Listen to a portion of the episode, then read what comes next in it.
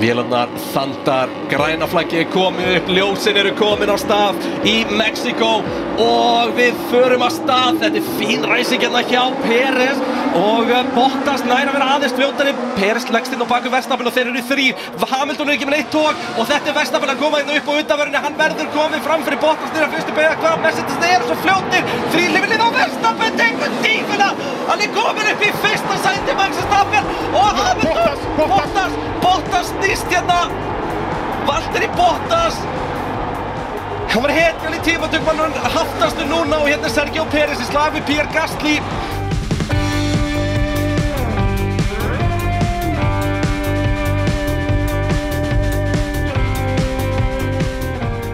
Jú, pitturinn hilsar eftir eh, mexikóska fíestu Ekki síestu, það er samt eiginlega Mexikó síesta núna Þetta var F1 Esta Vel gert Pá! F1 esta Hvernig veist þetta, Nessi? Ég er ekki, ég er ekki jafn heimskur og ég lít út fyrir að vera Nei, hvar að lasta þetta? Það ég held að þetta var staðið á brautinni Akkurat Já, skemmtilegt Já, mjög skemmtilegt Mjög skemmtilegt Þú ert náttúrulega jafnlega á halsmóla þess Já, að vennilega ég Þegar þú er- náttúrulega það, Ég er ekki Ég er eiginlega farin að gefa vonina á að þú uh, lifir út þetta tímabil ár, já, þetta verður svona bara í Katar verða eitt sinn allir menna degja Nei, ég meina þú veist það, það er svona álíka gott úthald á þér og á Mercedes-vél Já Þetta er bara Ég er eins og vélinn aftan af bílinn með botnans Já, Það ætti að vera búið að skipta um mig svona sexinum Það ætti að vera komin hérna bralli 1 og bralli 3 og, og bralli 4 já og En svo þú veist, myndi ég ég var draga alltaf bara leitt út á föstu Já, á föstudöfum, Þú myndi, ég myndi fá mig sko á föstudöfum en já, já, annars væri ég bara út úr því- kortinu sko. Já, algjörlega En, uh, já, stór skemmtileg helgirunur og áhugaverð en uh, við erum náttúrulega hér í Nóa Sirius stúdíu podcastöðurnar, pitturinn í bóði verkfæra sölunar, Viaplay og Ólís og uh, Bræði, Það er mitt nafn the goddamn uh, eins og þú sagðir ég er svo eftirminnilega hérna þegar við vorum að tala um peysurnar þetta væri svona ekki hettupeysa Þetta er bara svona peysa Já, þær eru komnar inn á waffavest.is Það er svo leiðis Það er staðfest, Þetta skjálfest farið verkvarðarsóluna og kaupið sér gæti og það mókuðust út í ger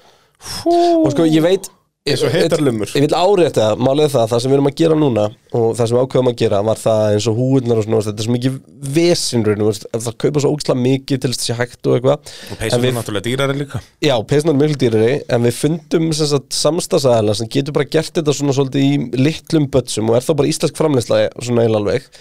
og eh, þannig að auðvitað þú veist, er það ekki gefins en þær eru good shit Þetta er bara gömul kona í breiðvaltinu sem semar þetta um leið og ykkur bandar ég er búin að vera í minni núna í svona fjóra daga og það er bara ógeðislega þægileg Það er komin, það er komin þjætt lyktinn í Nóa Sirius-stúdíu og ég er líka fashionable í þessu uh, Fashionable Þetta er, ég elska þetta logo svo mikið, það er alveg að vera hellingur Það þetta er gekkja logo sko Þannig að við ætlum að reyna að gera svona bara fjölbreytt Við erum kannski bara með minna af hverju, gera fjölbreytt og uh, hafa gaman að þessu Já, nákvæm, bara, bara að hafa gaman Hafa gaman, Það þýðir fátt annað heldur betur, heldur betur um, Bræði, hvernig er söguhóttnið í Mexiko þessa helgina? Heyrðu, þetta er náttúrulega skellur út að ég hefði eiginlega átt að vera með söguhóðn og það var ekki í Mexíkó í fyrra Herru, þá ætlum ég að koma með nýjan dagsfjölið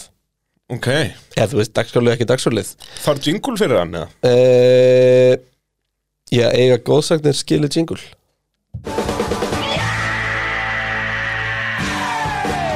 Allar góðsagnir er að skilið gott jingle Æ, bara gæti ekki verið meira sammála Málið það að eh, eins og eh, hlustandi góðið margir hverju vita þá opnum við fyrir áskristaleið í pittinum Eins og alþjóð veit og þar vorum við með bara svona basic áskrift og svo vorum við með A Goddamn Pick Crew Legends leið Ú, eru við að fara að henda inn okkur shoutouts Já, við ekki að byrja á því Af- af Málið er bara það að uh, góðsagnar þær eru nokkar Já, þetta er eiginlega, sko, þegar við plöðum þetta þá heldum við að myndum að koma kannski svona þrjár til fjóra góðsagnir Já, Það er aðeins meira það eru, já, það eru nokkar Þannig að uh, mér langar að, kannski hendum ekki sjátt á þetta allir í einu Við dreifum þessu niður en, Já, já, við þurfum að halda hæstunum okkar hérna. En uh, Hver far heiðurinn að vera fyrsta góðsögnin? ekki gera þetta því að Nei, þú, jú. ég var bara búin að ræða þessu upp einhvern veginn hérna en uh, núna, núna er þetta að pressa mig Já, já. Jú, heiðurinn að ég vera fyrsta góðsögnin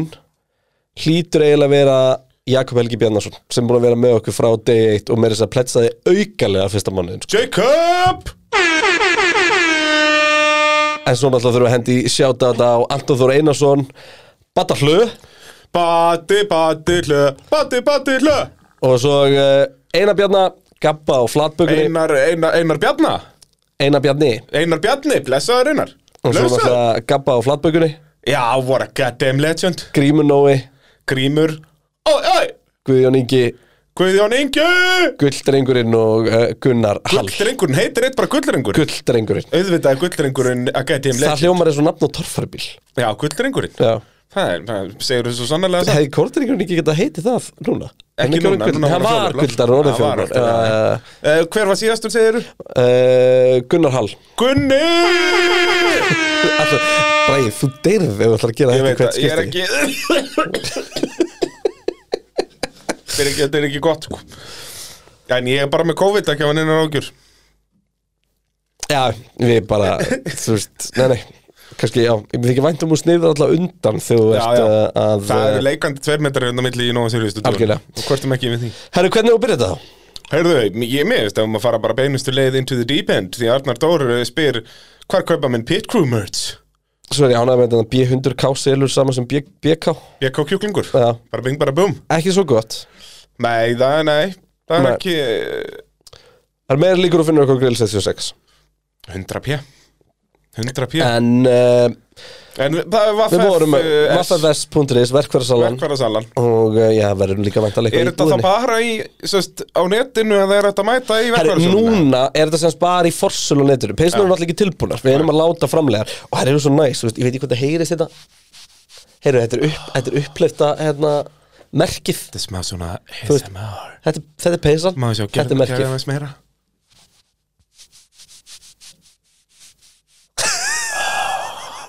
Þetta er svo þægilegt Þetta er bara eitthvað krútlegasta sem ég þetta er sennilega bara besta momenti í þessu podcasti, ég verð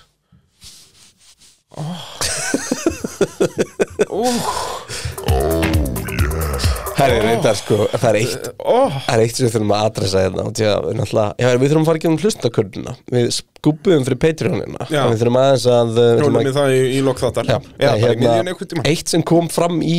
í uh, hlustakunninu og mér langar til þess að sko, málið það, það er svo ógeðslega mi- margir sem tóku þátt Þú veist, það hátt í 500 mann sem tóku þátt og uh, bara Það er takk rosalegt. yndislega fyrir öll geggiðu skilabúðin sem við vorum að fá bara geðu kvartningi í því sem við vorum að gera en það var eitt eitt komment sem að er búið að svona eiginlega glæði sér mig bara síðan og það var hann að einhver að tala um að eh, mér minnir að það vera einhverja vinkulur sem að hérna að sérst þriðudagskvöld var það nýja ísrúndur og pitturinn kvöldið Oh, I like that Það er, be- þetta gæti verið að besta sem ég hef nokkuð tíma hert þetta er gæðveikt oh, þú veist alveg ef við erum spáðið bara í, ef við erum núna bara tæknilega sem með einhverjum á ísrúndinu Já, bara núna, bara á þriðutaskvöldi já. Fólk að skella sér í garðabæðin og fá sér ís Eða selta þetta nesið Já. hvað setur þið bræðarinn? þú Ég sé ert svo mikið það gæti- basic bitch þú, það, þú verður alltaf bara hendi í bara eitthvað alveg basic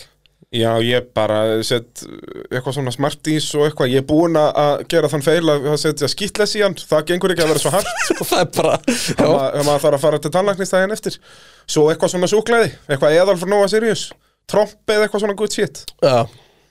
Og alltaf bananasósa, líkiladri Banasós í bræðarinn Já, bara í allt, bananasós í shake Bananasós í bræðaref, bananasós á pulsunna Allir saman Banasósu í allt Já, bara ég er alltaf með Ég er með í ískapnum heima ekki tomatsósu heldur bananasósu Svona sæta bananasósu sem ég set bara á allt En samt svona í alvörunni, ert að vinna með bananasósu í allan fjöndan? Nei, bara í ís Já, þú veist, ég er, já, bara í ís Já, já Þannig að þú ert svona, þú, þú ólst upp í að banana split væri málið eða? Nei, ég, ég fattaði bananasósuna bara á, á svona 17 ára gamall Hvað ert þú þá að fá þér svona bananammi og svona dót? Já, ég fíla bananana, ég Því að fíla svo- ekki svo kom bananana, ég þú- fíla banananammi Því að svo, þú veist, limins bauðir upp á appelsinusúklaðin daginn og þú eldi næstu í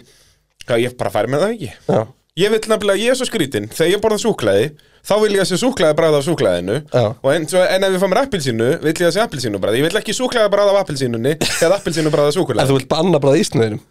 Já, og þetta ís er a carrier of flavor Það er bara samt svo steikt, ég er sko vanulís er gett vannmyndin Já, já, veist, það er- eins og hefur smakka heimalagaðan vanilís Já, það er svo gott sko, en við, við horfum á vanulís bara svona eins og vatn Það er bara, þetta er bara aðlust Já Út af það er bara svona steipulið, sko, já, það er mjög góða punktur Ja. Sko, taland um meiri þvælu, okkar maður Kolbjörn Karl spyr uh, NSYNC eða eh, Backstreet Boys uh, Ég er meiri Backstreet Boys maður Þetta er eins og að velja milli, milli skýts og kúk hjá mér Sko, Út að ég er að fíla svona tónleik sko Ég elska Justin Bieber og alla þess að kalla ég bara, það er ógleimalegt í 30 samanlega mínu um, sem var mjög steikt því ég sem sagt í einhverju djóki sett upp karaoke inn í einu Ó já, herbygginu ó já og hérna og klukkan svona hálf fimmu nóttina þá tókum við sex saman gaurar uh, I want it that way Ó já Og voruð að halda utan um hvern annan Nei, það var eiginlega bara einn sem misti stjórn á sér og uh, leiði sér inn í mómentið og stál sérni. Þetta var samt ekki jafn fyndið, eins og sko uh, gamli vináfur minni er alveg svona geðið miklu þungar okkar allir. Já, hipp og cool Já, veist, ég er 89, þannig ég er á þessum, þú veist, mín ár eru þannig að þú veist, þú Bara veist, leika líka í hata, höllinni, já. þú veist, þetta er að hata eitthvað svona, þú veist, hérna, Þú verður bara að vera spæs, þú cool veist, já, já. þetta, þetta, átti beislega, þetta var beislega svona tímabil þar sem að sko strákar hlustuð á slipnót og stelpur og spæskuls eitthvað svona Já. kjaftaði og ég mann til þess að ég fílaði ekki mikið eitthvað svona ég er, ég er algjör alæt á tónlist, ég hef engan áhuga á tónlist samt En ég er ekki alæt á tónlist, þannig ég fílaði til mér ekki mikið eitthvað svona, þú veist, bara eitthvað Red Hot Chili Peppers og eitthvað svona kjaftæði. Ég Rödd og Tilly Peppis er Já. dásamlegt En var alltaf að þykjast vera gett bara eitthvað slegir Já, sem ég bara, þú veist, þú munt aldrei sitja með mér í bíl og ég er með slegir í gangi í dag ekkert, ég er alls ekki að dissa slegir eða, eða neitt álíka en sem sagt, eftirminnilegasta mómenti í þessu ammæli mínu er samt klukkan svona hálf sex þegar við erum svona fimm eftir heima hjá mér og, Og það, voru hendi í svona, góða baksýn, það voru svona 200 manns hann fyrir um kvöldið og uh, Goddamn Christian Celebrity 200 manna party Já, en hérna og þar er einn af mínum æskuvinum sem að ætlaði sko ekki að snerta þetta helvítis Nei, karaoke, það er bara helvítis eitthvað- eitthvað- eitthvað fíbl. karaoke. Já. að taka karaoke í slipnot já þetta þetta er bara það steiktasta sem ég man eftir sko. Ég vissi ekki að það væri hægt með það er ekki hægt, Það en er- það hljómaði þetta ekki fallega Nei, nei, það en karaoke almennt gerir það nú ekki fyrir utan það Það er en, eh, ég í get- ég get sko minninginni ekki- vorum við glæsilegir að taka Backstreet Boys Já, ég get ekki sagt þér eitt lag með enn syng til dæmis Það er Justin Timberlake, er það ekki já það ekki, sem er endar uh, a goddamn legend Já, ég verður miklu meira bara Pussycat Doll og eitthvað Nicole, Nicole, hans uh, sem braut hjarta í Lewis mínum og mér oh. Oh. Oh. hvað var þetta? Bara afstafsorg þetta hljómaði meira eins og þú varur um selvin Já, það Það verður eitthvað að vera í þessu uh, Otto Valur spyr uh, Það er alltaf verið að tala um bílinn En skiptir hann í alvörinu svona miklu Værum við með sömu tvo að keppast um titilin Ef allir verður á eins bíl Bræði, við erum hér að tala um NSYNC, Backstreet Boys, Bananasósur og svo kemur þú Sem með kemur eitthvað Otto svona Valur og skemmir stemming já, með einhverju formúlu spurningu Já, minnst þetta pínulegilegt í það Otto Ég verð að viðkjanna það uh, Við varum ekki með, við varum með uh, fleiri, en Fleiri, þessa tvo já. Við Það er vorum nefnilega með, málið. En þú ég held veist, samt að Norris Max Leclerc. Verstappen væri ennþá heimsvistari Já, 100 p Max Verstappen er bestur Ég held það Það er bara svo Akkurat núna er hann bestur Hann er, hann er komin með þetta reiskraft og, og yfirveg, eh, sest, yfirvegaður Ég held það Hann er alveg Hann með þetta syndi það bara ógeðslega vel um helgina Já, vá, hvað þetta var geggjur kemni hjá honum Já Gæti verið bara eins og uh, hans besta keppni á ferlinum þó hann var mjög leiðinleg fyrir hann Já Það var svo skemmtileg kemni Þetta var skrítið út Þetta var Það var ekkert það mikið að gerast En þetta var svona svipað eins og í Texas Þetta var alltaf við að fara einhvern veginn að springa út Og það var alltaf pressa og... Nei, Texas var nú mun skemmtilegur en þessi Já, áreindar Þarna var aldrei Það var aldrei eitthvað pínu að eitthvað vera að, að, Hamilton Perez Já, já, en skilur um fyrsta sendið skilur Já, já, já, En já. jú, Hamilton Peres bergaði þessu hann í lokin sko. Verstafinn pakka þessu bara Já, það átti aldrei neitt séns Nei Samanlega því Ef þá að tala um Mercedes Tölum við Mercedes Hvað eru þeir í, í kemni bílasmiða? Þeir eru einu stígi og undan uh, Red Bull í kefni bílasmiða þökk sé því að uh, Valtteri Bottas gerði þrjár allugur eða eitthvað að hraðasta ring í kefni og við, ertu búin að sjá ombordið af síðasta ringnum Já, já þegar hann býður eftir Russell Jep. til þess að fá drakið niður hérna uh,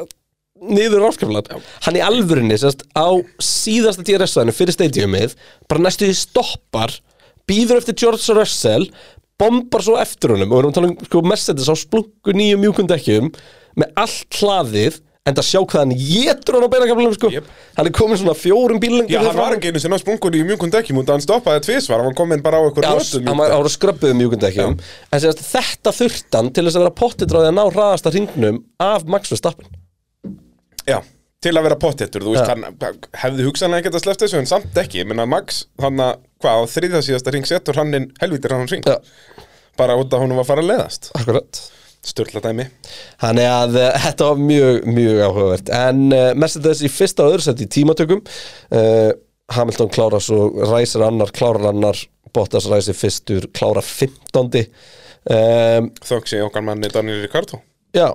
og núna erum við að fara einu sinni en að tala um Mercedes og Red Bull svona sem sama Já, já, hlutin það blandast allt Þetta saman. blanda, blandast allt saman, líku ég ætti bara að taka hérna Og Max Verstappen ræsti þriði og kláraði fyrstur Sergio Pérez ræsti fjórði, kláraði þriði Já. En, uh, Lewis Hamilton náttúrulega ræsir annar og klárar annar aðra keppni í röð já, nema að undir það er uh, allt öðru í sér kernir raunni ræsti fyrir aftan verðstappen í Texas kemst fram úr honum í fyrstu beigju og tapar því Einmitt. núna er Bottas fyrir framannan og hann samt fyrir verðstappen fram úr þetta er uh, rúsalegt Já, en uh, sko ég er svona spáði hvernig við byrjum að tala um þetta því að náttúrulega tímatökurnar eru rosalega áhugaverðar Já, þar fór allt í steg sko, og, og Daniel spyr hérna hvernig gáttu Mercedes eh, verið svona miklu hraðar í tímatökum meðan við það uh, má bara vera með eina vélastillingu hvað geta er átt við sem að gera það svona mikið hraðari eru þeir konu með eitthvað nýtt uh, tímatökutricks í bílinn hashtag DAS segir hann Sko þeir eru náttúrulega konum með nýtt trikk í afturfjörunina sem er gjössanlega geggja og við erum búin að tala um hvernig bílinn leggst niður og var maður sá svo það svo íkt þannig að þetta var ekkert geður eðlilega og uh, sko en það sem að ég held að gerist er að Mercedes klálega komin í þess að helgi sterkar en við áttum vona Mm. eða sko, keppnin fór eiginlega alveg eins og við áttum vona ef við spáum í því þannig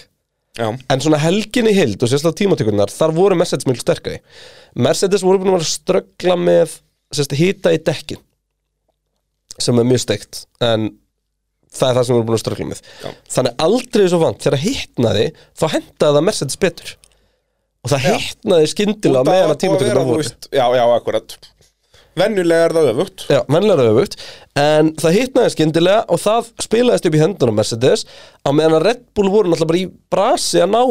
hringjum og maður sá það bara, þú veist, þeir voru að berjast í bílinn og, og náttúrulega þessi braut var náttúrulega svo skítu alla helgina að það er náttúrulega bara magnað að þeir hafi náða að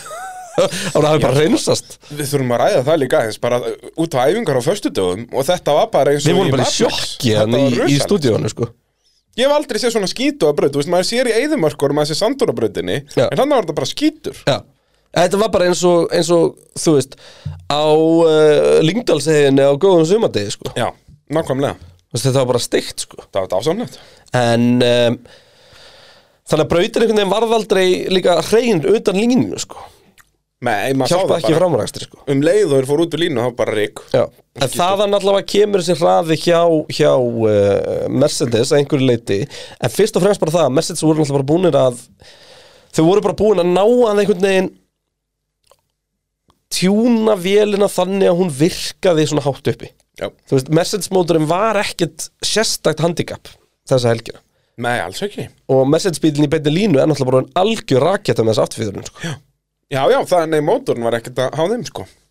en spáði einu með þess afturfýðurinn sko, það hefur verið djúsins brasa stillana á þessari braut því að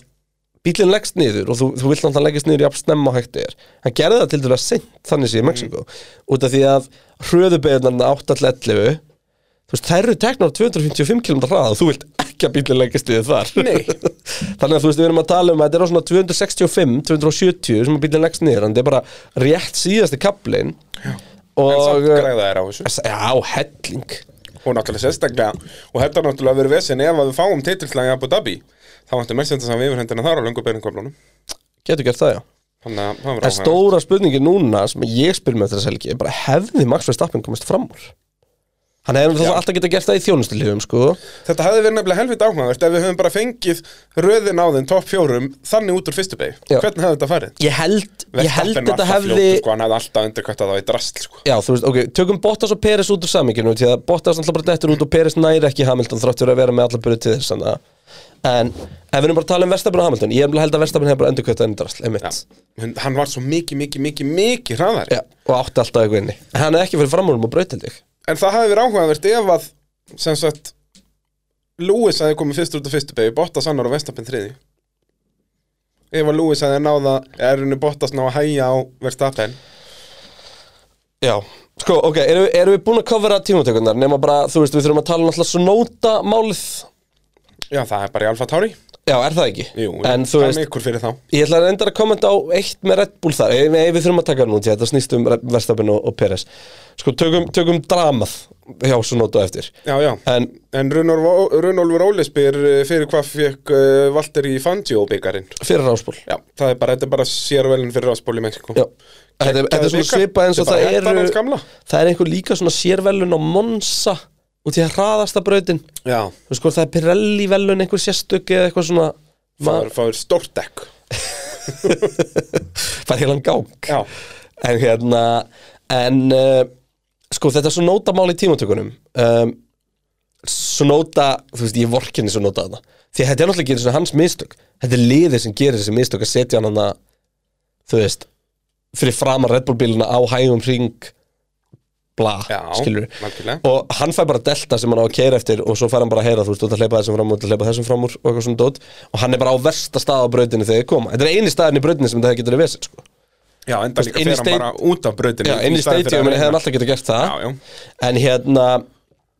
en Ég verð samt að gaggrina Peres fyrir að elda hann út sko. Já, ég fatta það ekki Þú út veist, ég að það var átta alveg mig- nóg á millið hennar, sko Já, já, hann er alveg að tapa einhverju gripi En, come on Ekki svona Men, Og Max náttúrulega bara Þú veist, liftar aðeins Já, bara En tveir það var bílar magnað að fyrir sjá út af- Bottas var eini sem tók þess að beigur í botni Já, það er rétt Ekkert, ekkert hík Ekkert lift, neistar Bara alveg flatur henni í gegn sko. Sem er geðugt Það er Það er grjótart visanlega, sko En hérna En já, þannig að mér finnst það bara lélitt Bara, bara starri einhvern veginn grilla Peres á afturinnar á bílum fyrir framann eða segist það var trublast á að ég var að koma rík og bjóstu gulum flöggum og ég var í krass eða eitthvað Mjög steikt samt, það ætti að koma gul flögg þegar tvei bílar eru nátt stoppað það sko Já, En- út af brautinni já, Það er bara svo leiðis og það er náttúrulega fokka hann aðeins í, í verðstappen já. En þá slum við eh, ræða uh, ræsinguna Jú, Hún er eiginlega það sem allt snýst um í það algjörlega, f- eh, langt rönna fyrstu beigju Sko, voru ekki bæði Bottas og Hamilton fljótar en verstafinn á stað Held Jú, það. jú, það munnaði eitthvað Viðbragðstími sem var sagt í, í betri. viðbrakstíma Já. sko, en síðan veit maður ekki hvernig upptækið er Nei, og um leiður komin yfir 100 og kjörsóði fór að virka og þá, þá er þetta orðið skjút sko Já, já, en uh, þú veist, Mercedes voru með báðum með frábæra reysingu það var Algjörlega. ekkert að því og allir fjóri fremstu voru bara með geggjaða reysingu en þú veist sko, verðstapin náttúrulega bara búin að ákveða hvað hann ætlar að gera og náttúrulega bara á bremsunni ok, hann er á reyna hluta brautarinnar, við þurfum að gefa hann það hann er með mest gúmi, hann getur bremsa síðastæðum, Mhm. mm -hmm. þannig undir en anskotin hafið að ábotta sig ekki að gera þetta erfiðara Þú veist, Hversu erum oft hefur við sagt þessa setningu? Já, erum við ekki á þeim stað í tímabilinu þar sem að Bottas á bara, sorry eiginlega að fara með verstafin nánast út af rönnar alveg út af bara í- pressan Já. í einhverja vitleysu því að sko verstafin næri sér það öll hann er meira sér að kötta tilbaka yfir til hægri til þess að fá rönn inn í sko aðra Það er byrja bara minnsta vesen í heimi fyrir hann ég ætla að henda henni fram ég held að Bottas er rétti maðurinn til að vera með í þessum stól þarna núna við hliðin á Lewis Hamilton, búin að vera í þessu formi til þess að tryggja Mercedes heimsmyndstar til bílasmiða Mhm. en ég held að Russell verður búin að hjálpa Hamilton mun meira í slagnum við verstafinn Já, ef hann verið sömu stöðu ef að Russell hefur verið í þessum bíl á pól hann hefði ekki gefið þetta svona öðvöldlega Nei, og síðan líka bara eitthvað svo steikt Bottas er einhvern veginn, hann er einhvern veginn meira að pressa Hamilton til hægri heldur en verstafinn til vinstri já, og þú veist, ég neita að trúa að það hef ekki verið liðsfundur í morgunin þar sem að Bottas og Hamilton og, og krúið ákveður hvernig það ætla að gera þetta já, já og þetta taki scenario öll var bara mismunandi scenaríóin. nákvæmlega basic scenario þeir eru jafnfljótrast að þeir eru hlifilhliðinu í veistöpu þú veist, hvað er þetta? Þetta, og við um síðan þetta svo oft fyrir Bottas Þetta er bara eitthvað spæt sem hann hefur á Hamilton Það hlýtur að vera Nei, ég held að hann sé bara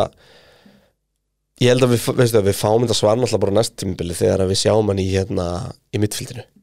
Já, já, því ég er bara skítrættur um að Bottas verði bara grút lélur mittfylgdaraður sko. Ég, þú veist, við kjeldum það saman um Vettel og hann var það vissulega í fyrstu svona fimmkeppnunum. hann var glatar á ferri allt síðast tímbil Já. En þú veist, núna er hann fín. Það Já, er enginn að gera en mikið þú fram veist, úr. þá erum við Vettel. samt að tala um 20-30 keppnir í mittfildinu Já, já, vissulega. Ef þú Þú tekur veist. það allar. Já, því að Ferrari náttúrulega var mittfildbíl í fyrra Já, já, algjörlega. með þess að þú veist, fyrir aftan McLaren svona skilur bara, hann já, að- já. já, ég veit ekki, ég, ég, einhvern veginn- ég hef ekki mikla trú á bóttaskriðinu í þessu og þú veist að mér langa, þetta er likeable náungi f- og þú veist, hann er ógeðslega góðu stundum, eins og í tímatökum þú veist, hversu geðveiku tímatökur ykkur hann pakkaði þeim Já, og hann var bara með Lúi sem var sannum alla helgina. já, Það er bara svoleiðis. Uh, minn allra besti sæmundur spyr. Uh, hefðu Bottas og Hamilton geta stilt sér betur upp í startinu, til dæmis gert sér breyðari vinstra megin svo Max yrti að fara fram úr á innanverðu eða koma Hamilton inn í kjölsæðið á eftir Bottas eða eitthvað allt annað. Þetta er náttúrulega svona maður reyða, bara þetta er náttúrulega samt alltaf þú veist tvíkasverð, því að ef að þú veist, þeir eru bara með fjóra metra af bíl á breytt þarna, Já, já. skilur við þannig að þú nærð aldrei að kofvera alla brautina sko. Já, en þú veist, þa- samt að þeir allir fara jafn hratt af stað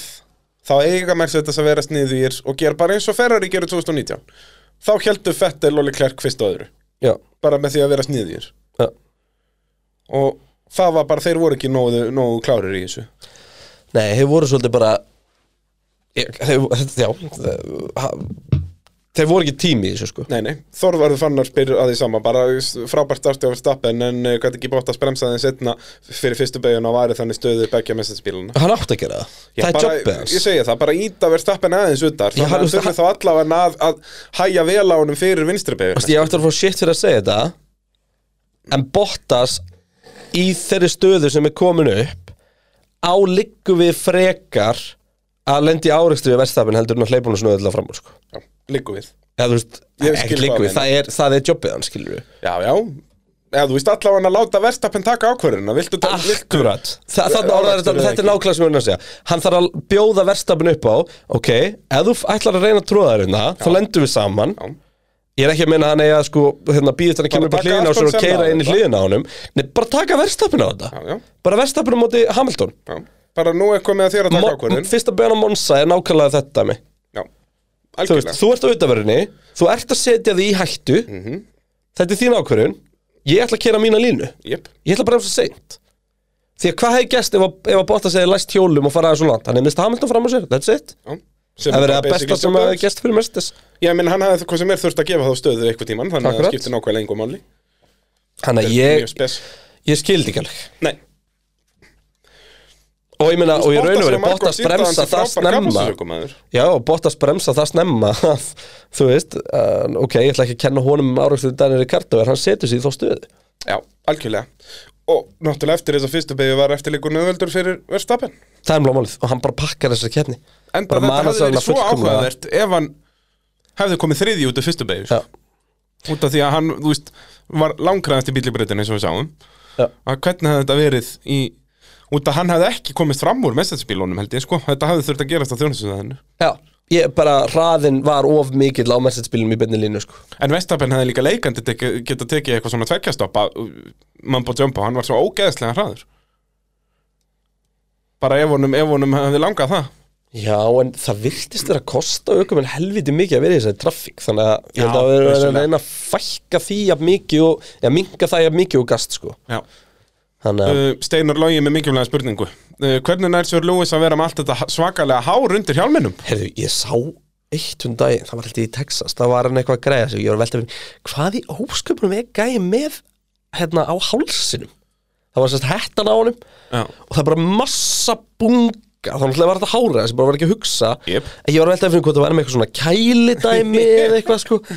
Hann setur þetta þá á- á hálsin basically á svona milli hans og hjálmar Já, þú veist, ef, ef aukum er ennþá vinnur með hálskraga þá geti hann ekki verið með þetta Nei, en núna Já. getur þetta verið milli hansbúnaðarins og, og Hjálmurinn hjálmsins liggur ón á hárinu og hárið liggur ón á hans búnan Þetta er alveg, þetta er mjög steikt Þetta sko. er náttúrulega líka, sko, þetta hjá hár hjá honum er, er besta pólíðastur sem að þú finnur í Kína Það er, hann misti allt sitt hér fyrir svona um það vilja 15 árum síðan Já, hvað er það það? Ótrúlega Það er hvernig bara- svona fólk sem áfylgta peningum endar alltaf að fá allt hárið sitt aftur. Já, það er, ég er bara, Patreon mun bjarga hárlínu minni, það er bara svo leiðis Til þess er ég með þetta Patreon Það er Öll rétt. þessi legend, þau eru bara að fara að gefa brallanum hár Það er, þú veist, það er nákvæmlega svo leiðis En það er líka good cause, þú veist, hverju myndi ekki vilja borga 10 dólar á mánuði til að gefa mér hár 100% Það er bara nákvæmlega svoleiðis Eða þá bara hvort við getum verið með bara svona sérreikninga Fólk gefur mér smá hár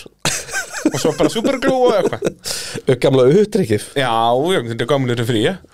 Eh, Þóri Ósk spyr öll þessi dekkja vandamál hjá Lewis eh, Er þetta duðlinn skilabóð? Nei. Er svo hvað haldið þið að það sé? Þetta er ekki dölinn skilabóð, þetta Nei. er bara Lewis Hamilton sem er rosalega tilfinningaríkur ökumæður að deila öllu sem að hann upplifir með liðinu Hann er bara svolítið yktur stundum í því hvað, þú veist Það, það er náttúrulega búið að halda hérna snembúna jarðafari fyrir hvern einasta dekkgang sem hefur farið út í Já, bílunni já. á Hamilton og uh, þetta, er bara, þetta er bara liður í því hver hann er og af hverju hann er svona góður sko. Já, algjörlega Uh, okkar maður Einar Sveit spyr uh, blikandi tjekk ensin hjá Hamilton uh, er það vél í Brasilíu spyr hann ég er látin eitt sinn verður allir menna dæja og annað er það þá grid penalty í sprettkeppni eða í keppni sjálfri uh, Í Byrja á að svara keppni. ekki, já, það er keppni þessu saman bótt sem Monsa náttúrulega já, Bottas En- um, er besta dæmið um þetta sko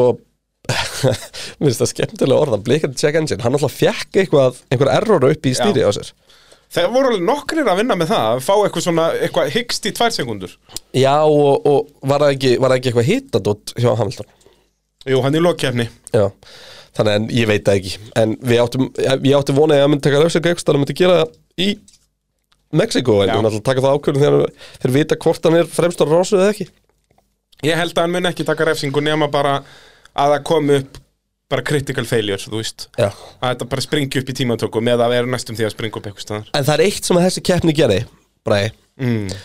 hún er bara þannig að ég er búin að vera að segja þetta mástu, ég sagði að Vestapen myndi vinna í, í, hérna, í uh, Mexiko og Hamilton í, í Brasilíu þeir myndu splitta Katar og Saudi og svo verður þetta bara Hamilton underdog að keppa um titlin í Abu Dhabi Mm. ég heldur ekki að tekið þessa formbók og hendinni bara út í hafsöga sko. ég er löngu búin að segja það og stend fast við það að Abu Dhabi verður ekki tætildisæti já, hættu því, nei, nei, það er bara svo leið nei, hættu því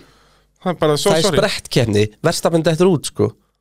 heyrðu alveg rétt, já, en Hamilton þetta líka út nei, jú, þetta hann vann, út nei, hann vann Silverstone það er vissulega rétt, en svona, þú veist Það eru 50% Þeir klessa Sagan segir hvorn annan. okkur- Já, þeir klessa hvernig annan Það er alltaf að fara að það gera það er bara 100% Nei, en hérna En uh, eh, Sko um, Þú veist, ég, ég get ekki sagt þér lengur hver á að vera betri hvar Þú nei, veist, fyrst að þessi keppni var þannig að Mercedes ná ráspól já Já, Bara- bara... var að læsa fremstu röð Fyrsta liðið til að ná að læsa fremstu röð á tímabilinu Spáði því Nei, í fyrsta kistið Mercedes læsa fremstu röð á tímabilinu Réttar að sagt Hverju voru búin að Nei, já, það kemur engin annar gert það Nei, glens Er það nokkuð? Red Bull af ekki náði Var verið stappin á ráspól í, á Ímóla? Nei, Nei, það voru þeir í Og- fyrsta og þriðja var ekki Ricardo annar á ráslinu í Og Norris þriðja á Monsa Nei, býtu, var ekki verið stappin á ráspól og Hamilton þriðja og Hamilton kemst það upp að hlið verið stappin í fyrstu Hvar? begi Ímóla Voru Red Bull ekki fyrst og öðru? Nei, var ekki Hamilton fyrstur Og Peres an annar Já, verið stappin og þriðji Verstappen jumpar upp, það var heldur Peres átkvalifæði Verstappen þar einmar rétt Ég get sagt þér bara hver var heimsmestæri á 1970 en ég get ekki sagt þér hvað gerist þér sex mánuðum síðan það er líka bara öðruvísi Já, uh, Imola 2021 qualifying, Hamilton Peres Verstappen boom með ekkert á milli þeirra Já, gott ef þetta var þá ekki bara fyrsta front row lockout tímabilsins Jú, er Allavega það fyrsta ekki á bara? Mercedes Ég get staðfæst það Peres hefur bara einu sinni verið annar í tímatökum og það var Imola Og McLaren voru ekki fremstur á ráslínu á Monza nei, Er það nákvæm? nei. Nei. og þetta var fyrsta hjá Mercedes Bara bing bara boom, Magnað heldur betur Magnað. Það hefur bara einu sinni gesta tímabilinu að aukumenn klára í fyrsta og öðru og það var bara McLaren á Monza sem er líka stöðlað Jips þannig að Pældi því að hvorki Red Bullin er Mercedes að klára í fyrsta og öðru að McLaren hafa gert það Þetta er, þetta er usalega þetta er geggja tímbil um, en já, þessi formbók hún er bara við þurfum bara að loka henni þegar við Já, og vitum bara ekkert kast- um fyrir ná kastum þessum föstum og, og með þess að föstaðan er ekki að segja okkur raskat lengur meðan við Mexiko alltaf Já, nákvæmlega þetta- eins og- eða, eða bandaríkjum þar sem að Mercedes voru líka bara miklu betri Já, og Verstappen vinnur svo nær áspól þannig að þú veist, þetta er, þetta er, þetta er bara já, wow ef við að fara ekki inn í spurningarnar hjá uh, Red Bull Red Bull Racing Herri, mér langar Hand. endur að minnast á eitt hérna, með atvikið Bottas og Ricardo Já, sko í ljósi þess að Gastli fær refsingu þegar hann keirir á Alonso í Tyrklandi já, í fyrstu beigju Já Hvernig ósköpunum slepp, sleppur Danni Ricardo með refsingu? Að mínum að þið er uh, hvorugt af þessu refsivert En út af gasli fekkur refsingu og þá verða þær að halda því áfram Já, mér, ég, svona, ég, ég rindaði sér í þetta og sem sagt Og þú, þetta er svona svo bleitan tjári kjart Þú veist, jú, ég þetta er sko. Nei, ég, ökumannsmistök ég, og allt. ég er blasmund skoða meira og sko, málið er það að sem sagt um, reglan sem, eða sem sagt, línan sem við verðum að dæmi eftir er það að það er ekki refsing í fyrstu byggju nema af sem sagt, það sé 100% einhverjum að kenna Mhm. og málið er það að Ricardo þarna hann jú missir stjórn á bílnum en hann er búinn að ná þannig stjórn að hann nær apexinu og allt sko svo bara botta svo ógeðslega hægur Já, og allt og vinnarlega, náttúrulega, þannig að verðstappin og gaf hún bara 14 metra af plassi Akkurat Þannig að þú veist Bottas er á svona svona skrýtnum stað og, og þannig að sko og er ekki að rönna út með restina hópnum sko Já, Þannig að Ríkjard það og er talaði held um ég- það í viðtölum líka að hann er sko eftir keppni leðunum hringalega Svo sá hann replayið Já, svo fór hann að skoða replay og þá heyrðu, nei, ég er nú ekkert, þetta er ekki svo slæmt En það er náttúrulega pikkar hef, jú, við, við erum ekkert búin að ræða þetta Við erum náttúrulega að ræða hvernig fokkanum komst Bottas ekki fram úr Ricardo Aftur sinni keppni Já, guð minn almáttur Þú veist Og uh, um, Þú veist, ha? Það er bara,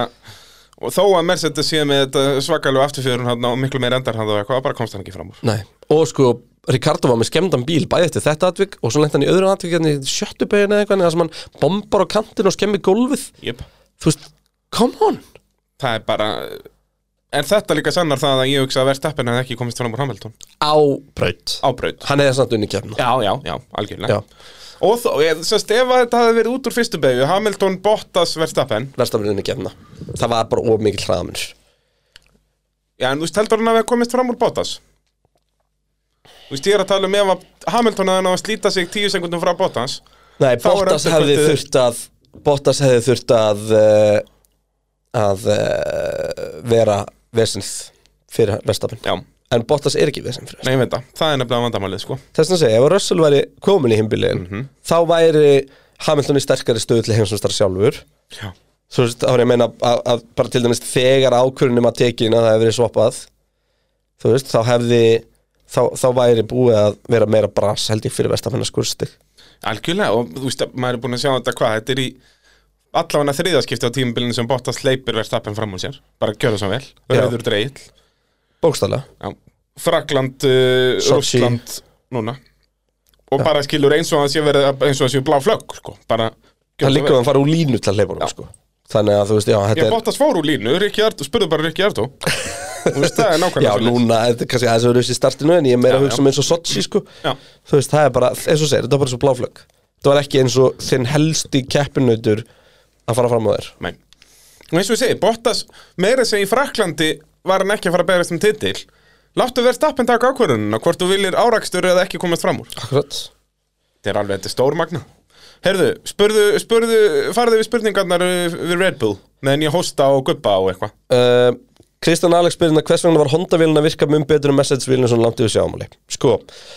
Við gerðum ráð fyrir að hún myndi virka betur en Já. hún eiginlega gerði það ekkert nei, eiginlega gerir nefnilega ekki En semst, málið er það að uh, turbínur, mega, me- turbínur formleitt með mest núast í 125 rpm sem er styrtlað Já, Það er rosalega 120.000 125.000 snúningar á mínútu Og um, semst, það er talið þe- loftið er svo þund í 2200 metra hæð að eh, til þess að svona jafna þá þá þarf turbinurinn að snúast hraðar og hún getur snúist hraðar en hún má það ekki Já, já, þetta er bara í reglum og það er semst talið að Mercedes motorn hafi hingað til verið stiltu þannig að hann nái mestu afli úr turbininni bara þannig mjög nálagt 125.000 rpm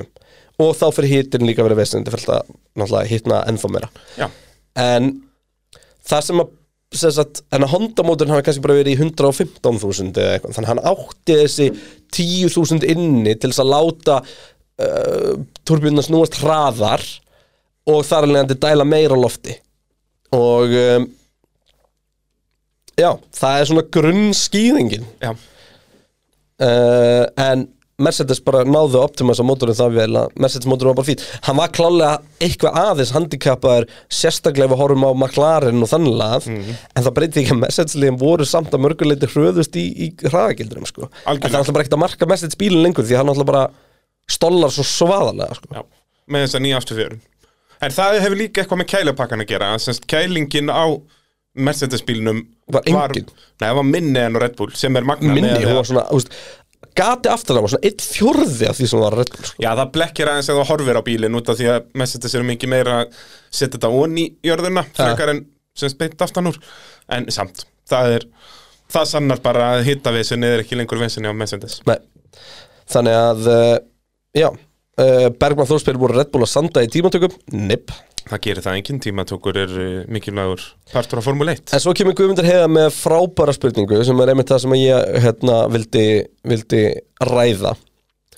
og manstu hérna, hann segir hérna af hverju svöruðu Red Bull ekki pitstopni á Hamilton með Peris þegar Hamilton kemur út á eftir Leclerc manstu, ég kallaði þetta strax Mhm. Já, í Amazon, keppninni. Amazon kölluðu þetta líka Þeir voru búin að predikta að Peres myndi komast fram úr Já, AVS, já, já, svo kemur það þarna mynd aðeins að þinn Ég bara minn leiðu þess að Hamilton kom út og baka Leclerc Þau segja bara, þetta er tækifærið Þetta er tækifærið hérna Algjörlega Og Ég, það er svo ég fatt þetta auðvelt ekki, sko Jú, þú veist, ég fatt alveg Það er svo auðvelt að vera captain obvious í hindsight, sko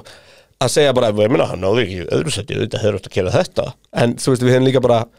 Við Ég hefum meina, líka verið hvað að Við vorum að kalla þetta meðan þetta var að gera Já, en við hefum líka örgulega gaggrind að ef ef þeir hefðu gert þetta og hann hefði ekki komist fram úr og, og Hamilton hefði svo bara stungið hann við restin og sagt hm, fyrst að Peris gatt kirtli, nei, við við reyndar áttum okkur ekkert á hvað hann gatt kirt langt en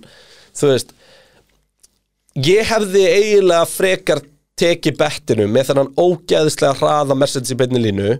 ef að Peris var ekki bara hálfri sekundur hraðar að ringa enn Hamilton á jöfnum dekkjum, þá var Hamilton að fara að geta yep. og þannig að ég hefði eiginlega frekar tekið hann mitt 11 ringja tire offsetinu, þú veist það sem að dekkinu er 11 ringjum nýrri hjá mér og ég þarf að vinna upp einhverjar 7-8 sekundur, skilur Mm.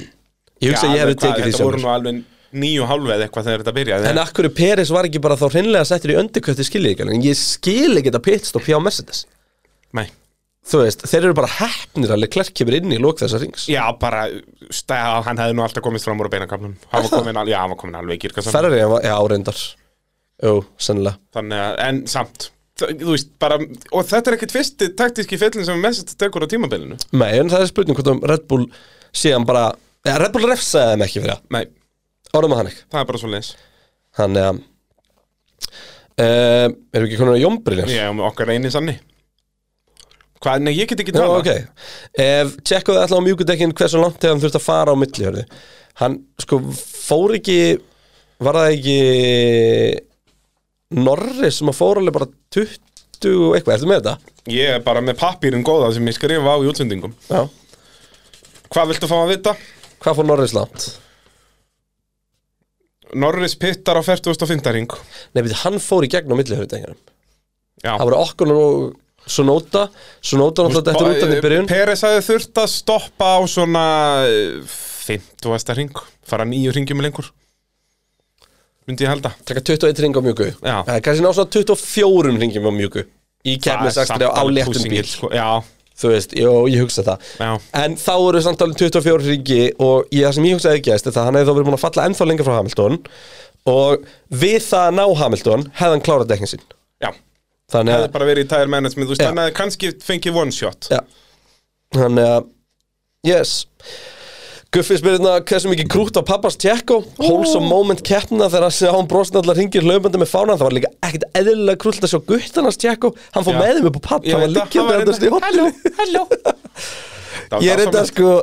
Það var þetta mými hérna Það sem allir er að fagna og svo er gæðin í fjórðarsætt að Já. spreita Þetta var kampan og nákvæmlega fara í sleik og svoleiðis. eitthvað Þetta var bara þannig Hvað hlaup pappas löpandi um með mexikóskan fána og eitthvað Þetta er bara Fyrir ógeðslega að ná fyndi þeim árangri að vera á sama stað og hann resti fyrir utan að bóta statút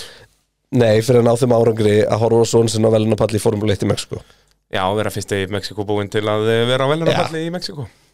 Og fyrsti Mexikobúin til að eh, leiða ring Þau eru örgulega sér af að hlaupa ef þetta hefur verið á Íslandi Já, og ég já. hefur verið annars sko 100 p, 100 En, hérna, en það breytir því ekki að eh, En keppnin var miðað ekkert við- spesiál Tjekko ég, miða við, ég kannast aðeins við þetta, þetta fólk og pappans er alveg einhver svona þingsti gæi sem ég hef séð sko Já, að bara svona mm, mm, mm. hmm, þá kom þetta mér skemmtilega óvart sko. en þú hefur ekki- Þetta verður fyrsta kittið þú séð hann brosa Ég held það fælega Þannig að Já um, Doddi, Þórðar. vá, þetta, þetta virkar ekkit á meðan ég er að spyrja spurninga Já, ég bara get ekki talað Doddi, Þ- þú ert Doddi Þórir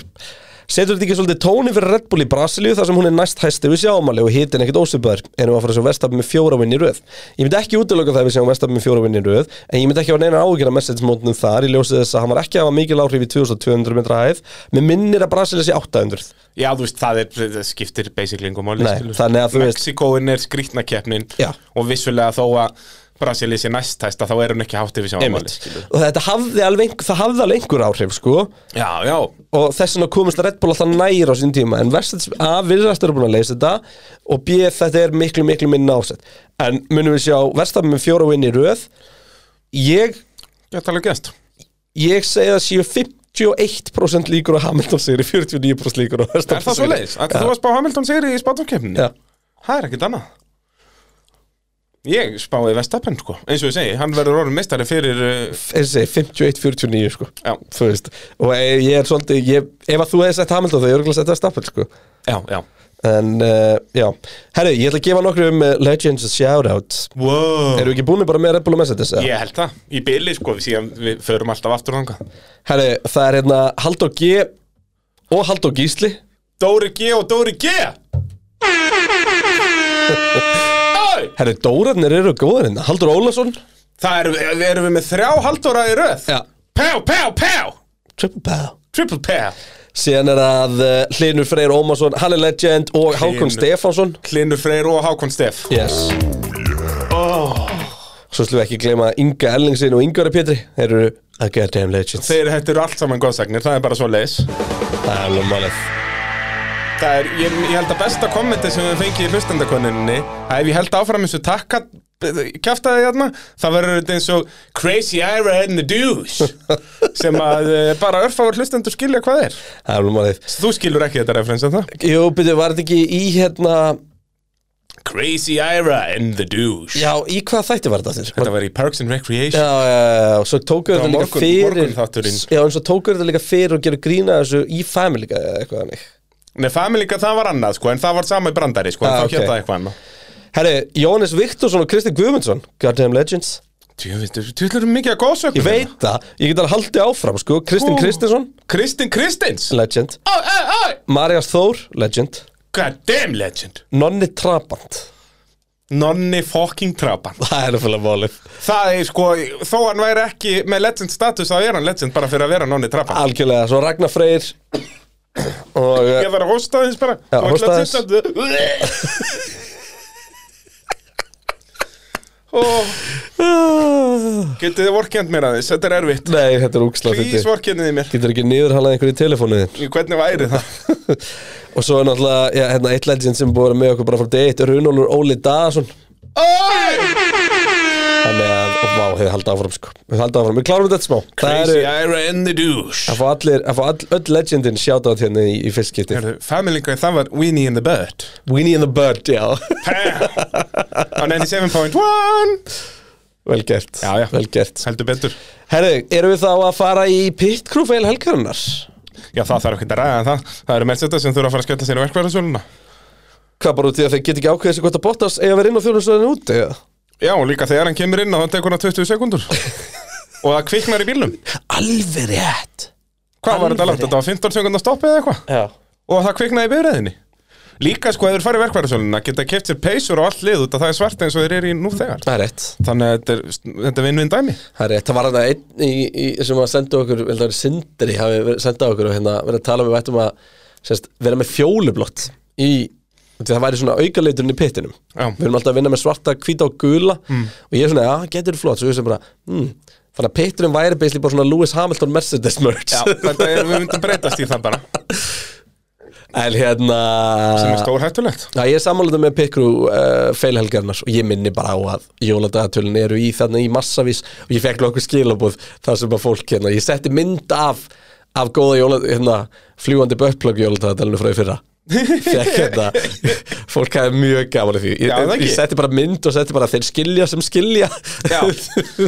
þetta er, eh, já, þetta er bara fullorins Já, það er bara þannig Það er bara Og ég nákvæmlega svoleiðis. meina, það er enginn að spyrja hver nótum er hvern ykkar í Já, ég segi það, ég meina þetta er bara þín Enginn að dæma, ekki neitt Hashtag dæmum ekki um, Eigum við þá að fara yfir til Ferrari sem eru í fyrsta skipti á tímbilinu í þriðasæti Nákvæmlega, Bragi. núna við fá þeir að vera í þriðju í röðinni í pitnum Manstu hvað ég sagði upp að tímbils Hvað sagður ég upp að þið tímabils? með Ferrari? Já, alveg, sagður það sama og ég sagði um mitt tímabil Já, þú sem stalst mínu Já, það, já, já. Eina ástæðan fyrir að segja þetta er að eina spurningin er það verið að sjáta það að þú hefði sagt það Já, út af því að það, ég er eftirminnilegur en þú eh, kreinar Jú, reyndar Það er bara svo En- Nenni mér engin En hérna, í upphæði tímbils Manstu, þá tölum við um það Og þú, þú, við þurfum hérna að finna þessa klippu, sko Já, en sko það er, þetta var miklu meir impressiv þegar ég sagði þetta út að ég sagði þetta ábygglega eftir Monsa, sko Ég sagði að Mer- McLaren myndi byrja miklu sterkari Já, þú segir mér það En í lok tímabils myndi Ferrari vera að koma yfir hundina Ég var að fara við áðan, en ég man ekkert hvað gerist fyrir sjö mánuðum Það er síðan Þannig að rétt. ég get ekkert staðfest þetta En, Hlustendur geta farið bara til pointið mitt var ekki að, að vera með eitthvað I told you so moment Jó, þú elskar að blása sér þín Point- eigin lúðra Pointið mitt var og það sem ég langar til að draga fram á síðast tímabilið þegar allir vildu reka Binotto Já Það var djöfull meðal ég er hann búinn að redýma sig með Heldur þetta betur, lið. búin að rífa sér í gang þú veist, því að það sem að við erum að horfa með Ferrari er að ólíkt Ferrari síðust ára þá læra þau á mistökum þau, ge- þau eru alltaf að bæta sig Já Hann það er bara hérna, búin að stígandi á Ferrari allt tímabilið hvað he- heit- heitir hann kvítærði sem var þarna uh, að reyfa byrni að rífa benni, hann var svona ekta kæðin sem læra ekki mistökunum, gerði bara alltaf sömu og sömu feilna hann var bara svona Loris Stroll Já, hann var ekta vandikall, bara ítalskur hann var samt ekki vondikall Nei, nei, tók Hann var meira svona miðaldra dagdraumur hugsa ég, Já. en vel rúmlega miðaldra dagdraumur Ú, Þannig að gæinn var sko löðrandi uh, macho Nei, mjög, ekkert eðlilega svalin Nei, nei, sko. bara, þetta var svakalegt að fylgjast með þessu Það er bara nákvæmlega svo leiðis Hann er hérna en, og ég held að hann hafi verið rosalega fýtt stjóri að mörgu leiti hann átti bara ekki að stjórna form leitliði Já, Þú veist, ég veist þessi Já það er líka frábær sko, ef þú ert með yfirmann í svona sporti sem að þér finnst fín þá er hann ekki uh, the man for the job Nei. En magnað sem vorum að hérna ræða fyrir helgina að Kristján Horner er sennilega sá liðstjóri sem búin að vera lengst Ekkert sennilega, hann er einst Hann er næstu þá. stjórn í Formule 1 í dag hann er styrla því að hann var alltaf bara eitthvað 12 ára eða eitthvað þegar hann byrjaði fyrir 5 árum Já, sem að var reyndar fyrir 15 árum já, var þetta hann 15 Nei, ára? meira, nei, nei, 16 17 jú, kemur hann ekki inn 2006, það er 2005 Nei, nei, hann kemur inn bara með Red Bull Bara hvenær kaupa Red Bull Jaguar er ekki 2005 4 uh, Hann 2005 held ég frekarinn 4 Eh, var það 2005 Hann, ekki, ekki hann, 2006 hann byrjar tímbil 2005 jú, eru sennilega búin að vera í 3 ára áður en að hérna, Ég held að það sé 4 eða 5 2005 Já, þannig að hann er búin að vera í 16 ár núna Það var engin með Kristján breyting Klíen við stýrið þar. um Ég meina Sean Tott var ekki svona lengi á Ferrari sko. Sean Tott er bara frá þú veist 96 til 2008 Já. eða 2007 og Tóto kemur inn hvinnar eftir Þetta er svo flókið í Mercedes út að það er, þú veist, fyrst voru er fjórir sem voru allir einhver yfirmenn, sko. já, og Nicky Láta svona sem í líka Já, já, Nicky Láta var einn af þessum fjórum, skilur, og, hann þú var veist, senior advisor já, þeir voru bara allir með einhver svona made-up titla. svo var það hann einhver gett hérna, fyndið náungi með geðveika mottu, mástu Já, sem að bara leita alltaf Mercedes-gæinn. út eins og gaurinn sem styrði BMW á sínum tíma, bara orðin aðeins eldri þú veist, Ég meina, beitli þú bara veist, mótt þetta að vera er yngra á bara Mercedes-gæin, þú veist, maður sá hann fyrst í patukinu 97 bara með McLaren Þú veist, Þetta er sest, bara Mercedes já, Þetta er en einhver móttan yfirmaður undir dæmilega, restina var störtli sko. Já, sko. þetta er geggjað sko, bara einu sem toppar þetta er mottan hjá honum eh, sem áformuleitt í dag, hérna Amerikanin með Liberty Media Ah. holy shit Talandum með eðal mottur sko Þ- þar eru að tala um og því varst að tala um að Patreon í hárið á þér en allt formúli kæs er að fara í þessa móttu sko. e, Staffist, gelfist þetta er dýrasta mótta sem ég sé sko. En þú sér líka ef að við erum að fara að halda áfram að vera svona mikið að Legends að þá verð ég komið með heftalett hár hérna bara eftir hálft ár sko því þú verður bara orðin svona Chewbacca Já, 100 pjö ja, ég fíla það Já, já En ætlar að lesa spurninguna á Jónin Gilva út á næstu dásamleg Uh, Bræi, hafðu rétt fyrir sér Nei, haf- hafðu rétt fyrir sér að Ferri myndi ná þriðasætinu en það eru fjóra keppnir eftir og allt getur gerst Munu Ferri ná að halda þessu út restina? Já, Já, en- Ferrari eru með betri bíl en McLaren Ég held samt að við gænum verið að fara inn í alveg dogfight í sumum þessum keppnum Því að- Kannski Brasilíu. Já, já, auðveldra með að horfa á formbókina þarna Nei, ég held nefnilega Ferrari Já, jú, sko, málið það, það er eitt sem við slum ég Nú er glemma líka með engin McLaren Vettel til að klessa Leclerc sem er pluss hérna, við slum ekki glemma að uh, sko, McLaren er ókslega góður í þröðum beig Já, Katar gæti ótrúlega satt verið svolítið McLaren braut, sko Mm. Ég held að Brasilia sé svona meira Ferrari já Við veitum ekkert um Ab- Saudi Abu Dhabi Ég er veit meira ekki hvort að Ferrari. Saudi fer fram Ég var að sjá ný, nýtt svona uppdætt þaðan í morgun sko. Þetta er bara grín Já, er ennþá bara tjöld og Já, þeir eru þetta- bara malbygga en það bara Já, þetta segja manni bara allt um það hvernig sem fucking keppni komst inn á keppnstæðalið Að það er ekki eitthvað, herri já, hér er góð braut sem verið gott að fara að keppa á En ekki, bara hér eru góðir peningar sem gott er að eyða í mottuna Hér eru vondi peningar sem er gott að vera að trúa þessum mótu Já, Það er svolítið þannig það er nákvæmlega svo leins En eh, Ferrari geggju keppnið Og ég, ég ætla að segja síðan, og ég held að McLaren verið til með sterkari í Abu Dhabi Heldur þú að McLaren verið sterkari í Abu Dhabi? Já, Ég held að Ferrari verið sterkari þar akkur Þegar að mestinsmóturinn er ekkert kappaður Og það er ógeðislega langið DRS-kablar Já, það voru þetta meira eh, airflow frekar en vél En þú veist, nei, síðan er allir sest, risastur bremsusvæði og sest, að byggju praða aftur En áttar þið á því hvar Ferrari er búið að græða tíma? Nei, Þeir eru bara búin að græða hann allstaðan nefnilega. já, það er svo leins bara, já, Ef það er mín tilfinning. já Þú veist, Ég bíllinn sé, er, bara Ferrari bílinn er betri hann, þú veist, hann er bara að taka, það er bara, McLaren á það ekki er bara hver breytt, sko. einasta deild hjá Ferrari, saman hvort það er aerodynamics, eða fjöðrun, er hvað, það er bara a- alla deildir að taka skref, dag fyrir dag. Bíllinn er að vera betri og betri og ég ætla bara að segja, Bræði, þetta er farið að líta rosalega vel út fyrir Ferrari í þessum reglubreitingum, nema að þessi verið að henda allt og miklu resursum í þetta, Já. bara þessin setja að virka. Þeir hendur náttúrulega öll í vélina og það meikaði fullkomin sem þetta sama vél að vera Já, en það er ekki sama fólki að hanna vélina og hitt, sko. Nei, Þannig að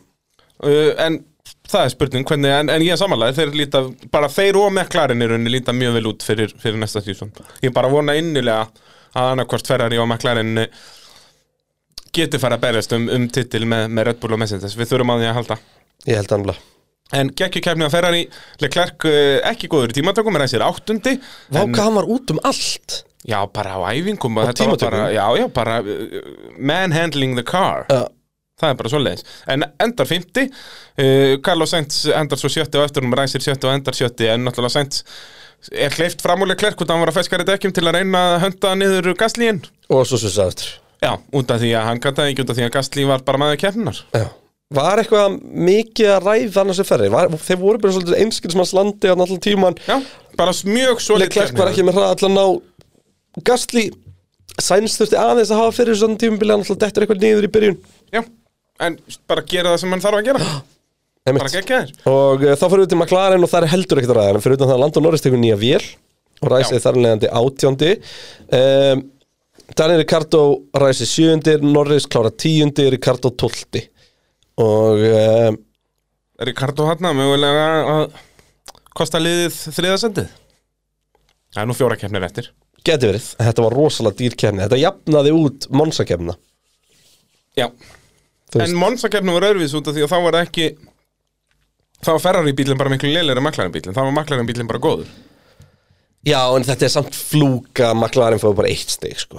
Já, en Þú það veist, er, þetta ekki út af, vélarefsing það er og- ekki út Já, af, og- af og- gæðum bílsins Það Já, er bara út af og bæði- Ricardo og var fáiði Bæði sænsóli klerkur er búin að taka vilar sko. Já, já Já, og bara, sem sagt, þetta eru ökumannsveill en ekki það er bílinn Þeir Ferrari-ökumanninnur var ekki að skýta á sig á Monsa Það var bara bílinn sem var lélugur Algjörlega, en þú veist Já, og Ricardo skýtur í degina uh, Norris síðan bara vinnur sig hann að hægt rólega upp í kaosinu og þú veist, og bara keppnisállin Náttúrulega Já, keirir geggjaður. ógæðislega lengi Já, en Norris, þú veist, við vorum að tala um þetta fyrir keppni þú veist, Hefur hann þetta í sér að vinna þessi í gegnum pakkan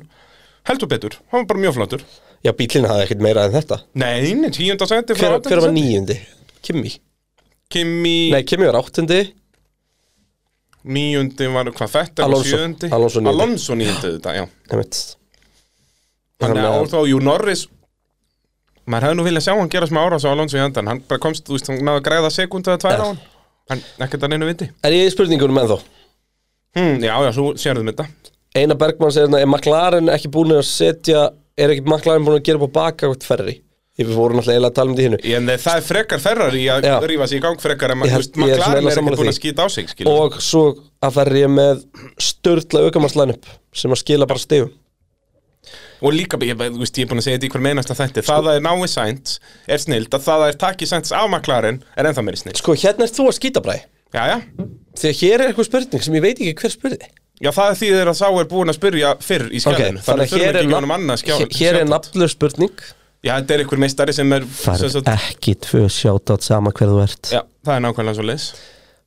uh, Er fórhundin að vita ykkar álita á hvað er að gerast þér Norris? Er þetta, ef það er eitthvað annað Já, þetta er, þetta er vinkul okkar sem að eh, hafði ágjör að gasli jinxunni potið já, Er þetta getur eitthvað annað jinx, þá er ég þakklætið og það er líka tekið tilbaka við Hérna Bræ, hvað er að þér? ég er lasinn Nei, en, en á við þér. erum drullu saman það Akkur þetta jinx alltaf hægri vinstri það verður eitthvað að vera í því En ég held að sé ekkert búið að gera spennt hjá Norris bara brautunar hafa ekki verið að spilast upp í hendunar á maklar núna nýla og, og já, helgarna og bara, og bílinn er sem sagt, Hann er aðeins að detta aftur já, út. já, þeir eru hættir að hanna en bíl og þeir eru bara komin í 2022 sem Það er er að bara svolítið kosta á málið. uh, many, many hundreds and thousands of dollars Já. út af því að það munar um það að vera í þriðið eða fjóraðs eftir kemni bílasmiða En síðan er spurningina sem er, eh, erum við að fara svo Peris taka fram á Bottas og sjá Willi Klerk taka fram á Norris Sko Peris er núna 20 stigum á eftir Bottas já, Það myndi Leclerc, ég segja að veri vel gerlilegt og talinu ekki um með að vera meira vélavissin á Bottas Leclerc ég sé það líka leikandi ef Leclerc heldur áfram endan í 15 og 17 sendi hvað menn er, að Lando 12 er í stig? 8. til 10 12 stigum millir þeirra já, það er fjóra keppnir leikandi Fjóra keppnir og Þetta fjó, græða fjóri kannski. punktar í keppni eða eitthvað líka Já. Já, að meðaltali, já, það getur gæst Og svo ætlum við ekki að gleyma það, Ferri gæti alveg, þú veist, nelt þetta á, á, í Brasilíu og Katar, sko já, Nei, já, Svo hún alltaf götubraut og við vitum alveg klerka geðugur á þeim já En það er spurning hversu sko. mikil götubraut þetta verður, sko já, já, Því að þú veist, við vitum ekkert um þessu sátibraut Ekki Við erum búin að sjá trackmap, en ég veit já, ekki bara ennþá eitthvað ég veit- computer generated bara eitthvað En þú veist, þetta á að vera götubraut, en svo sér þetta, og þetta er bara fokkin eðumörk, sko já, já Þannig að þú veist, þetta getur alltaf verið götubraut, ekki nema bara, þetta sé svona eins og við hefum búið í kappásbraut, Þetta er hérna svona út í eins og helluhverfi áður en að það var byggt. Þetta er jafn mikil göttubraut á Valencia Já, Það er bara svo leis emitt. Herra, eigum við- eigum við ekki að, uh, erum við ekki bara búinu með þetta í bili? Eigum við Ég að- held það sko ætla- Pitturinn ég ætla- að sjálfsögðu búið við að pleysand Já, ég ætla að hendi það í uh, The Goddamn Legends sem þetta er í búið líka. Ú, býtu, ertu með fleiri legends? Rúnar Helgi. Ah! Okay. Kanski sleppar ég að deyja í hvað skipti. Nei, þetta er sko, partí fókornið og ég að hósta undir það Það er timeless classic Smári Alfreds, Smári Alfreds maður já, það er einn okkar bestu mönnum. Já, hann spyr einna- alltaf, alltaf hann er, mættur. hann er efstu hitt, það er bara svo leis Steinar Logi, Tinnu Steinar Logi, what a goddamn legend Ég elska það líka að þú veist, ég fæ ekki svona að lesa upp því að þú vilt alltaf koma með komment Já, ég minna það er bara, þegar þú ert Æ, að ég tala um fíla, ég góðsagnir fíla. pitsins Góðsagnir innan pit krúsins Það er bara, ég þarf að fara að skipta um nærbúksur sko. síðan er Tinni Guðmunds Tinni Guðmunds Líka Ívar- ég elska þegar menn er að hendin nickneimunum sínum sko. ha. Sem er ekki af gott og, og trabandmaðurinn okkar samt En uh, ágætt samt, ágætt Ívar Óli Magnússon Ívar Óli, oi, oi, svo er hann uh, Ólafur Ingi pá Óli Hafsteinn Óli Hafsteinn, nokkað Sko. maður á vettvangi málið það, hann er með ættanafnina Já, og ætlar, ætlar ekki að leggja í það eða? ég, er svona, þú veist, ég hef alltaf sem ég gláð okkur því með við það að maður fætt diss fyrir að segja þú veist, ég fætt diss ef ég segir Ricciardo og ég fætt diss ef ég segir Ricardo Já, já,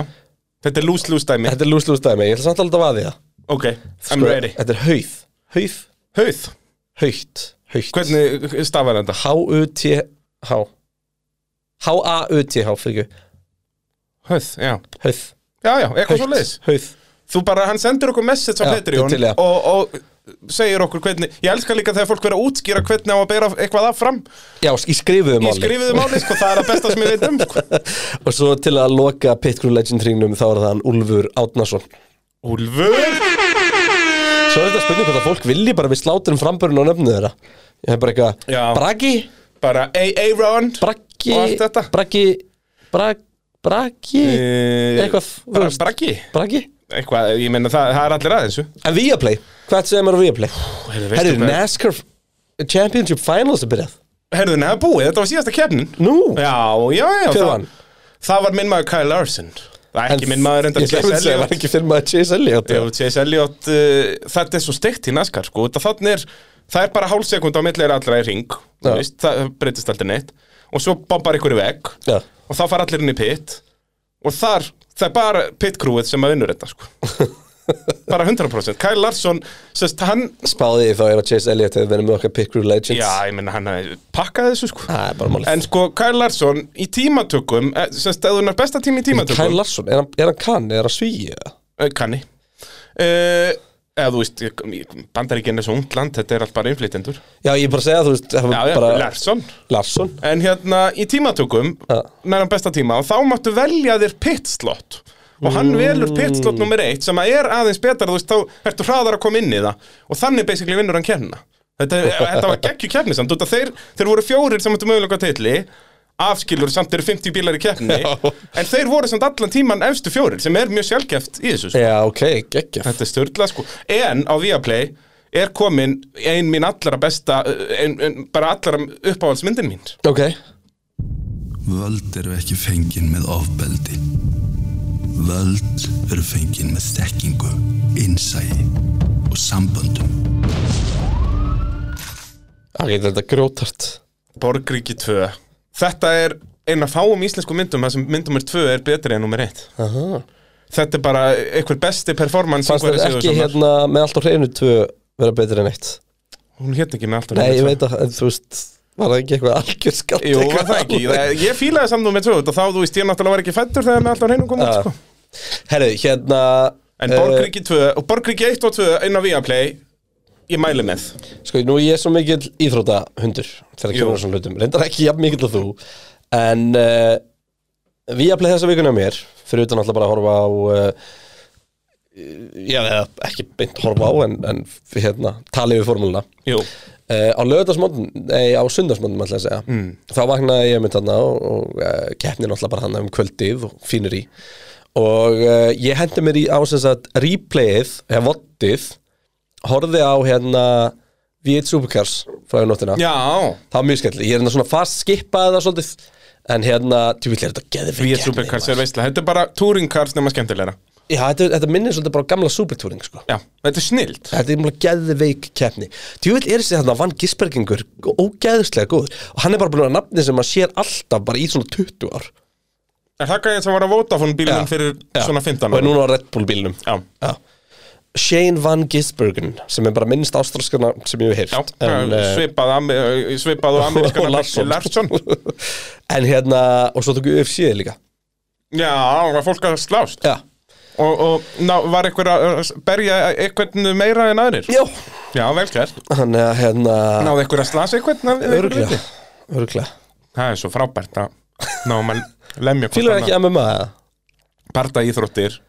Segir maðurinn sem er búin að vera að rífa upp skýrglímu hérna på sigastu Já, skýrklíma er ekki, það- í skýrklími snýst ekki um að, að meiða hvern annan Það var svo gott þegar við fengum þetta beðinu til honum alltaf, ég var að stríma í gerð og kíktir aðeins á mig Já. hérna, vorum við Með skemmtum lakt- okkur í F1 eh, 2021 Já, að, hérna, að við erum eiginlega mynda laktúsafríkt svo allir getur hort Já Viljum ekki cross the line Ég glemd að ræða það við Gunnar hvort það væri til í að setja upp skirkli með þig Já, en ég menn hann myndi vantanlega segja nei út að hann veit að ég myndi pakka honum Það er þetta líklegast sko Það er bara nákvæmlega svo leis Nei, Hef barda satt. íþróttir, sko, ég skil ekki íþróttir sem að snúast um það, þú veist, að þú nærð að drepa anstæðingin, ertu goddamn legend Það er, þú veist, í öllum Nei. öðrum íþróttum er, er, sem eru hættulegar, skilur, amerísku fótbolta og eitthvað, þá er gerður öryggiskröfur, skilur, þannig að fólk sé ekki að slasa og það er formúla 1 og fólk segir alltaf sem að fíla bardaíþrótt en "Bö, byrju, fólk er líka að slasast í, í Formule 1 og deyja jafnvel já en íþróttin snýst ekki um að drepa anstæðingin Já, og það er alltaf að gera það ekki Nei, nei, en það hún snýst um að slasa anstæðingin Já, ég er ekki alveg- ég er ekki alveg sammála Þessi þér. boksari er bara hún heila döður 50 Já, sjokker Ég kaupi reyndar alveg að það, það þurfa að hugsa út í þetta og ég man, og eins og mjög sé, þá finnst mér oft svona á mörkunum sko En það er svona mismunandi hvað, hvernig barndastilnir eru, hvað mér finnst skemmtilega sko Já, ég, ég bara gútið reynd ekki Já, Hvað er að fá bara svona bestu hriðiverka menn heimsins að gera bestu sprengjuna? það er bara allt annað hlutur Mér finnst það meika svipa mikið sens Nei Það ert ekki svona villur Jú, það er svo gaman Herri, og að fara yfir í Alpín Alpínu Renault Djúvill var lélitt hjá Alonso að detti Q1 En að ég segja svolítið hellað Á Segðu mér hringnum svolítið helvíst þegar að uh, rauðaflaggi kemur út eða gulaflaggi og rauðaflaggi út á stról í endan Mm. hann var 0,6 fljótari á tímatökusvæði 1 og í, á byrjunum tímatökusvæði 2 heldur en hann var sem hringnum svona setti Þannig að þetta er strólarinn sem að fer með. fokkar hann um upp já. og hann alltaf bara dröðla á sig og hann alltaf ógæðislega pyrrandi fyrir Alpína það er svo okkon sem er 15 sko. Og okkar með reflinguna Já. Ég er að hakki minn á að sýrjus og Já, hvað það er gott En það er gott í hálsinn Er það? Já. En Mm. Ég Alonso held með nærði í sætasúklaði sem með einhverjum svona brjósik inn í Já, já. frábært Já, já, Þetta er jólabrjósings Gott, gott, gott, gott. Hérna, solid uh, tvö stig bara hjá Alonso Þú veist, það Já, var miða ekkert mikið við þetta meira eftir út í Q1 maður bara geggja að komast upp í nýjönda Einmitt. Okkon bara, mér finnst Okkon ekki nógu Hann er bara með Hann er Já. bara jafn með og hægt er Hann Við er- erum að segja þetta svo oft Já Hann er bara ekki nógu, hann, ég man ekki eftir honum verið eitthvað að vinna sig upp pakkan Það bara gerist ekki Nei, hann er bara með Já, Er fólk að heyra þetta? Er, er Já, mækarnar að tekja þetta örugglega. upp? Uh, það er, ef- ef- fólk veit það betur en við En uh, Já Þú veist, ég veit ekki hvað ég að segja um Alpín Formið þeirra er bara farð Já, Og þú Já veist, það ég samast væri best á Alfa Tauri eru komnir upp að þeim í fimmtasendi Akkurat Ég væri Já, náttúrulega, náttúrulega Alfa Tauri jafna Alpín í þessu kemni Heimsmeistaramót í Já, í- Alfa Tauri þú heimsmeistaramót- meinar bara gastli í racing team Já, Þetta er ekki flókið mál heimsmeistaramót bílasmiða er orðið svo sjúglega spennandi sko. Jep. þú veist, ok, ferri konur upp fyrir McLaren hann var ekki 13 stig, 13,5 sem er milli þeirra, eitt stig á milli Red Bull og, og Mercedes Jep. og svo eru Alpine og Alfa Tauri jöfn þú veist, þetta er alltaf Í gjössalega störtla fimmtasætinu. sko. Og Alfa Tauri, hefur ekki bara að fara að tala um það, þú veist, Pér Nei, Gastli ég ætla að nefna eitt með Alpine Já, Væri, ef að þú ert Alonso núna líður þér ekki pínu illa í Alpine svona upp á framtíðina kemur ljósa næsta ári Þú veist, þeir eru að dæla peningi í þetta en þeir eru bara ekki með rétta fólki í vinnu þarna Ég held um að það sé nákvæmlega Ég held að það var hitt nákvæmlega höfuð þarna Þetta er bara ekki að virka Nei. Og hefur ekki verið að virka núna í tíu á Þú veist, það er, það gengur ekki að vera með vörkslið en vera bara ekki með réttu hönnuðina og bara rétta fólkið innan dyra Það er nákvæmlega það, Þú veist, þó að þetta gefur svo fólki fullt af launum og, Fjárfestingin hjá Mercedes í mannauð er svo störtluð Já, og líka hvernig Mercedes byrja að stela mannuð af hinum liðunum eins og Red Bull er að gera Mercedes nú Jep. En þú veist, það er bara hluta leiknum Herri, Alfa Tauri, við vorum að tala um þá uh, komin upp í uh, fymta sætið eru þar með uh, eru þar í jöfn Alpín Mhm. Pierre Gasly 50 í tímatökum bestur restinni og fjórði í keppninni bestur restinni Já, bara, Þessi he- helgi var bara fullkomin þetta var bara Gastli er á mínum að maður helgarinnar Já, er það ekki bara Jú, 100% algjörlega störtlaður sko. bara geggjað og þetta er alltaf svona þegar hann þegar hann ekki lendir neinu fokkabí í kemnum þá svona tekur maður aldrei eftir honum en hann er alltaf skilur hvorur ferrar ég nátti breyk Já. bara átti ekki sens, þú veist, hann var tíu sekundum undan þeim. Já, bara geggjaður það er mjög málið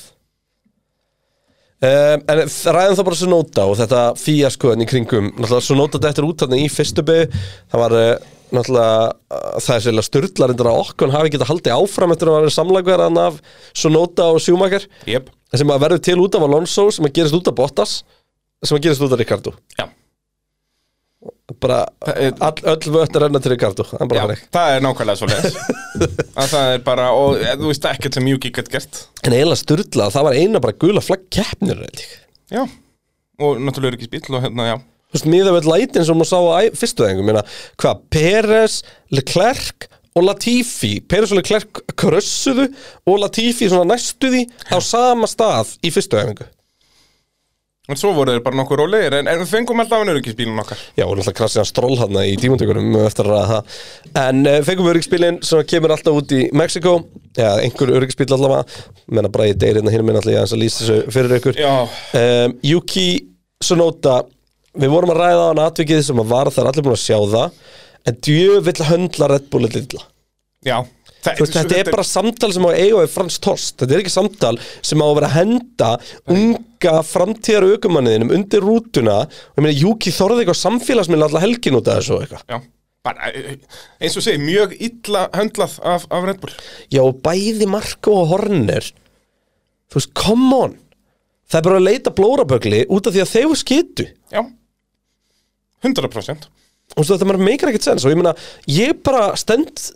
með svo nota þarna, hann gerði bara það sem hann gat í stöðunni sem hann var settur í Já, Þú veist, auðvitað ásamt, það er alveg pæling með þú veist, endan á Q3 það á ekki að vera hægur bíl út af brautinu þá sko en þú veist, þannig er bara þróaðist þarna og þú veist, svo nota búin að spila liðsmannin alla helgina hann fórna keppni sinni til að ræsa á mjúkum dekkjum át qualifying Norris hann, og fórna helginu sinni til að ræsa á mjúkum dekkjum til þess að geta dreigið gastli nákvæmlega, bara gera allt rétt Já. og svo þetta Æ, mér finnst það bara liðlitt En uh, Alfa Tauri allavega í fínu formi og uh, já, bara verður fróðald að sjá hvernig þetta heldur áfram en, en þú Ég eru Alfa Tauri er ekki að fara að ná Alpín eða Eða það er að segja Pír Gastli jú, Ég held það jú, talan ekki um fyrir þessu nota er orðin góðar aftur auðvitað brautan ekki Já, hvað er ekki svo notað í síðustu tveimur keppnum fyrir utan þessa er hann búin að vera í stegasendi já. já, og leit rosalega vel út framan að þessa helgina Algjörlega Þannig að, já Þá fyrir við til Aston Martin, Fettel ræsir níundi, klára sjöundi Stroll ræsir 20. og síðast og klára 14. og byrjum bara að tala um þetta krasja Stroll í tímatökurum Já, Þetta svaka leit krass. út eins og bíllið maður bila sko. Mastu, Ég sagði það bara, er ekki eitthvað aði aftur Bara er ekki bara sprungi vinstur aftan eða eitthvað Já Sem að var líklegast ekki Nei, Þetta var bara ógeðaslega lið og þú veist, Bræ, hann er ekki einu sinni búinn að setja ring og það eina sem hann þarf að gera er að setja ring bara svona til að nótir hann að vera hann það er framar en ég ef segi einhver það, annar það- myndi gera af þetta öllum mönnum til að gera svona mistök bjóst maður ekki við að hann myndi gera það Áttu sér alveg vona að hann myndi gera það, en uh, ef við erum bara að horfa á aðstæður þá átt hann ekki að En uh, já, lítið að segja um Aston Martin annað, annars en að Andri Snær Sebit spyr hvað fætti mig á nefun á sér Já, kom með mynda þessu, hann er sérst með það sem ég kýs að kalla Robby Fowler klástur Já, er þetta ekki bara eitthvað svona önduraplástur? Jú, þetta er sérst svona lítið klástur sem þetta var nefið og þetta er svona spenna í þessu sem opnar nefið á þér Já,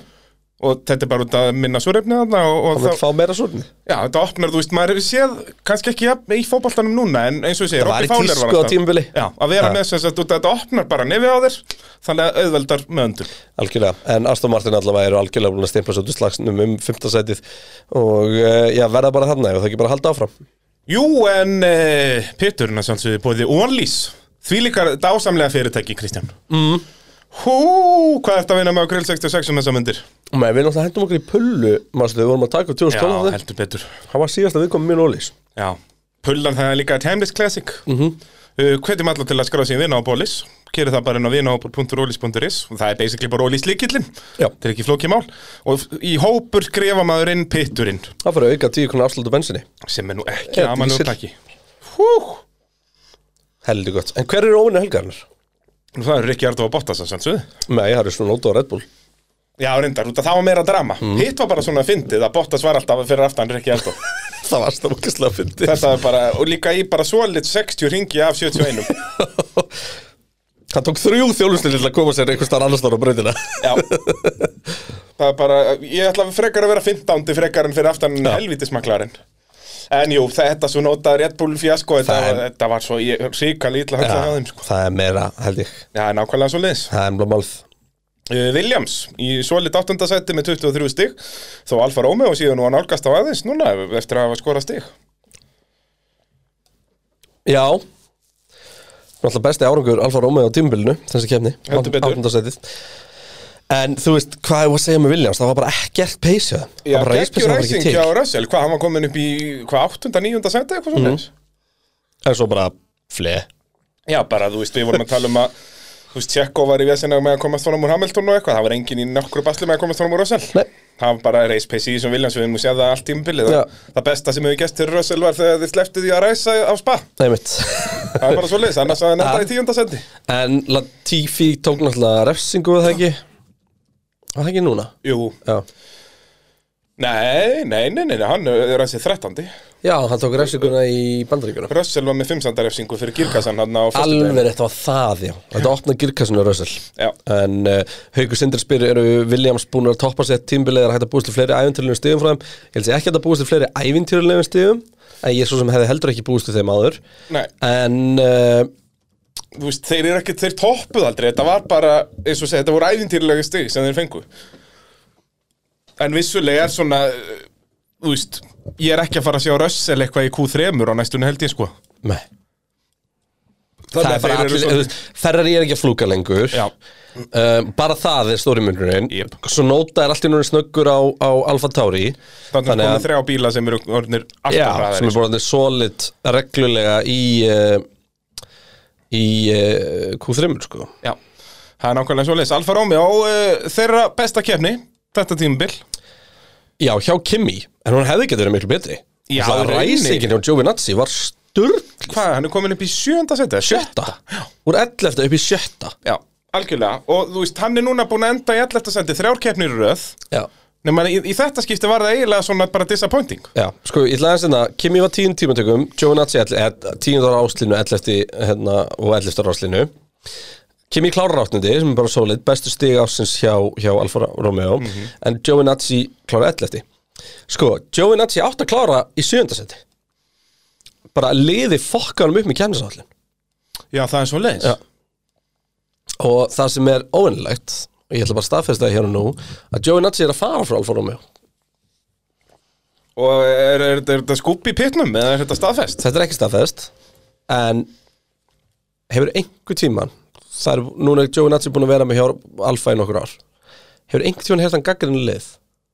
Nei Hann var dörrullu fúll og gaggrinu lið eftir þessu kefni Það er svoleiðis. Hann hljómaði mjög mikið eins og aukumæður sem að veit framtíð sinna sko. Það er þannig Enda líka, ég, við erum búin að segja þetta núna í tvö ár Hvað er í óskupunum með maðurinn að gera þetta? Hann er bara að núta hann í talskur Já, ég menn, hann hefði ekkert að klára sjönda þessari kefni Já, ég meina hann er Markus búin að sína það að Hann er alveg solid En hann er ekki En það er bara ekkert svo feitu pakki á leiðin inn sko. Nei, það er vissulega rétt, sko Þú Hver veist. myndi koma að inn? Er Illiot Tjá, búinn? eða? myndi ég halda Já, Bara því að hann kemur ógæðislega mikla kína peninga með sér já Og náttúrulega kínamarkaðurinn er hugkess Það er emla málið Þannig að, já, að Giovanetti verður, verður ekki leysfélagi Bottas Nei, Það er hann Sigvartur Fannar spyr nú að því eh, hver fær þetta Giovanetti á mínum munum í Alfa Romeo fyrir næsta tímbil Já, það er bara komin spurning strax Já, bara bing bara búm Eh, Tjá Já, er það ekki sem að heitir hann að seta H og U en mér skilst að þessi búið fram tjá tjó, Við- eða við- tjó, tjó Við munum koma að staði á næsta ári já, það verður eitthvað, það verður eitthvað slátrun hjá okkur í frambyrði blessaða vertu Eh, Örn Smárosson með áhugaverða pælingu voru þetta síðustu stig eh, Kimi Rækkonin í Formule 1 nei, hann er svo góður hjá Abu Dhabi Já, ég minna eins og hann hefur margótt sínt Leave me alone, I know what to do. Það er bara nákvæmlega svo leiðis Já, það er vissulega rétt en ég þetta geta alveg verið, ég minna það eru bara fjóra kemnir eftir og hann er á Alfa Romeo, sko já, Þannig að það getur vel verið algjörlega þannig að Veistu hvernig fyrstu stíðin komu? mm, það var með Sáber Já, ég held að það hafi bara verið í Ástralía 2001 fyrsta var það keppnin. ekki bara í fyrstu keppnars Ég held það Nú, nælt það sér í var stig sensation Já, bara, eh, og þetta er líka svo kúl hvernig hann fer full circle Endar með sáber og byrjar með sáber auðvitað, Búm, auðvitað það er bara svo leiðis Herru, færum okkur yfir í Haas uh, 0 stig, 0 stig, 0 stig á öllum þar Já. Mick Schumacher ræsi 14. dettur út í fyrstu beigju hann eftir samstöð við Esteban Okkon Nikita Masabin ræsir uh, 15. klárar 18.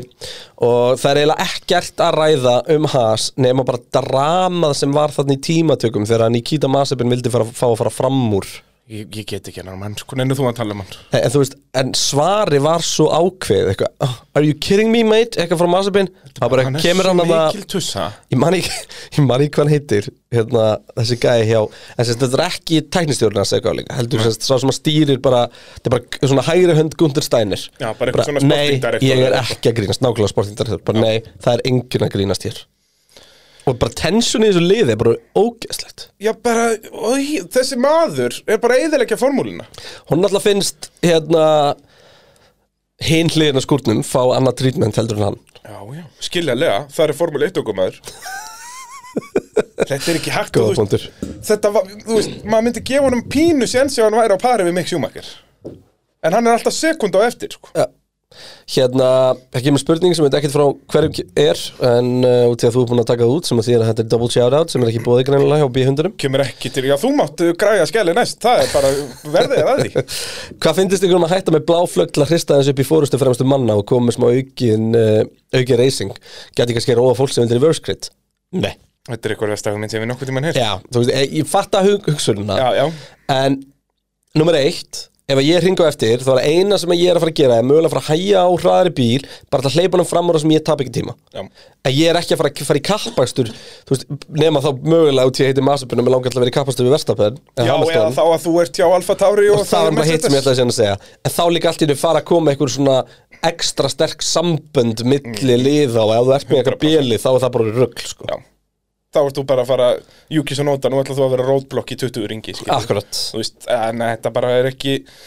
í rauninni passar ekki inn í formúluna sko já. er þú ekki bara búin að gera upp uh, Mexikos Jú, kappakstur við erum svona eftir að fara basically, ekki við við- spátóskefna einhverja Já, bljála spurningar og- sem að við elskum Við endum, við byrjum alltaf að endum á nokkrum bjánalögum Já, en þú glemdir endur einu, ég fór að bli Já, rannsóna blaða sko. Ég man ekki hver spurði, en það var einhver sem spurði hver var þetta með Óskarinn á grittinu Heyrðu, já, hver var með Óskar? Ég fór í rannsóna blaða sko, Og þetta mun hafa verið hann uh, Trayvon Free Travon minn, Free, minn maður hver er það? Það er mjög góð spurning, þess vegna veit ég ekki hvernig það er Uh, Travon Free is an American comedian, actor and writer. He has written for Full Frontal with Samantha Bee, The Daily Show and Comedy Central and Any, Any Given Wednesday with Bill Simons on HBO. Já, en En hvernig fyrir vann hvað fekk hann hann Oscar? Oscar? Free won an Em- Emmy Award for his work on The Daily Show and an Academy Award for Two Distant Strangers in the Best Live Action Short Film category. Þannig að þetta er uh, 100 höfundur af stuttmynd sem að var þarna dandalast með Óskarinn sinn Já. Ok, Flýgur þú ekki með Oscar en á kapastinu í Mexiko? ég, er þetta ekki Mexiko búið eða? Það getur ekki verið Travon Free. Pottet kanni, sko. Já, getur verið Mér finnst American comedian gott- Já, hann hefur s- s- vitað að hann myndi ekki fá neitt neina aðtikli á grittinu í Ameríku þannig að hann ákvað að vera maðurinn í Mexiko með Óskarinn og, sinn og tók Óskarinn með bara svona til að allir myndu fatta að hann væri allavega eitthvað merkjum Já, ég minna það er bara Þetta er auðvitað toppgur Já, já, ég, ég varst ekkert um það Þannig að uh, Hvað aukumar kom mest á óvart í keppninni? Þetta er mjög erfið spurning Ég var að reyna að pæla í þessu Gastlíja maður helgarinnar mínum að En hann kom ekkert á óvart í keppninni Hann gerði bara mjög gastlílega hluti sem er að vera rock solid já, Peres kláraði bara á eftir Hamilton Þetta er rauninni frekar bara eitthvað eitthva neikvætt Skilur að Rikki Ardó kom mest á óvart Fyrir að vera ekki ennþá búin að fíla bremsupedalin í McLaren bílum sko. Nei, Bottas í fyrstu pegi Það bara kom mest á óvart Já, það er mitt svar Nei Bot, Jú, nei, já, auðvitað, það kom ekki á óvart Þannig hann gerir þetta alltaf Glens mm, bara hversu hraður Verstappen var það Nei. að að Hamilton átti ekki breyk Nei, ég myndi segja að sem kom mest á óvart var sko bara hraðan, var bóttast í tímatökum já en það er uh, hvað kom mest á óvart í keppninni það var ekkert mikið af hlutum að koma með óvart Sjóin alls í startinu og pappi tjekka að brosa taka 100 metrin á einhverjum 11 sekundum já, búm þráttur að vera svolít 130 káki og með fána sko með fána Hann líka, hann er sko Já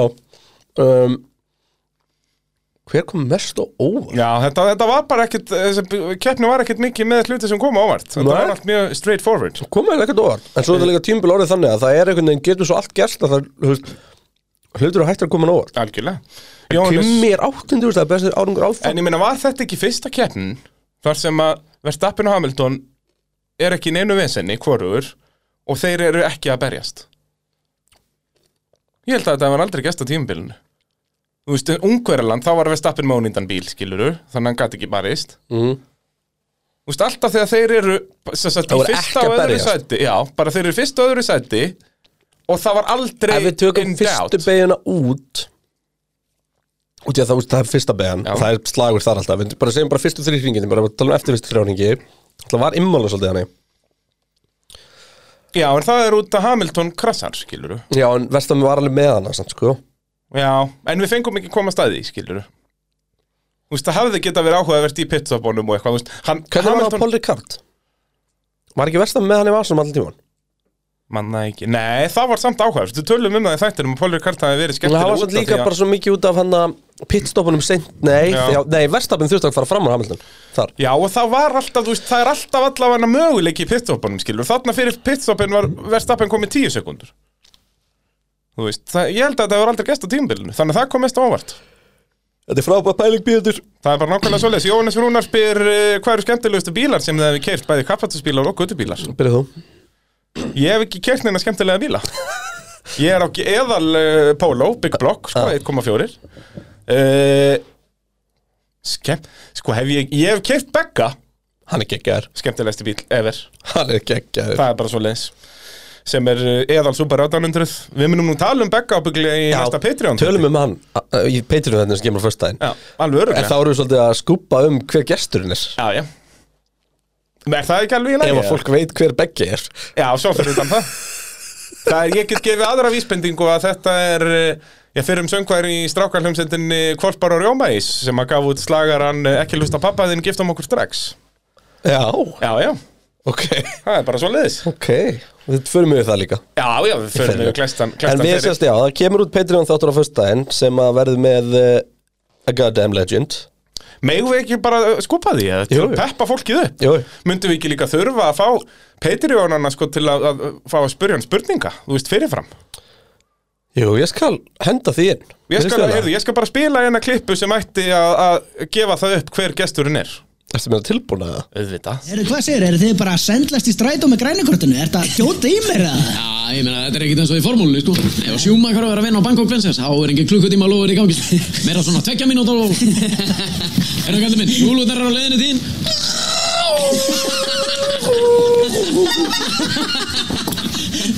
Já, það verður engin annar en Gerdin PJ Sigfusion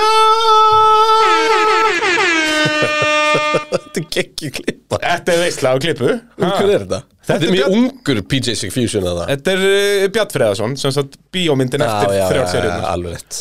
Þegar að hann uh, fær sitt big break og verður Það er útvarsmaður engin tilnöðin að nota sjúmakar þarna sko Ó nei Og komast að því öllu á fyrsta Þetta er líka, formúlhljóðin er að gera gott mót Æ, Hvern, sammála. Hvernig skildi hann gera hybrid mótorun? Við komst að þessu á fyrstu daginn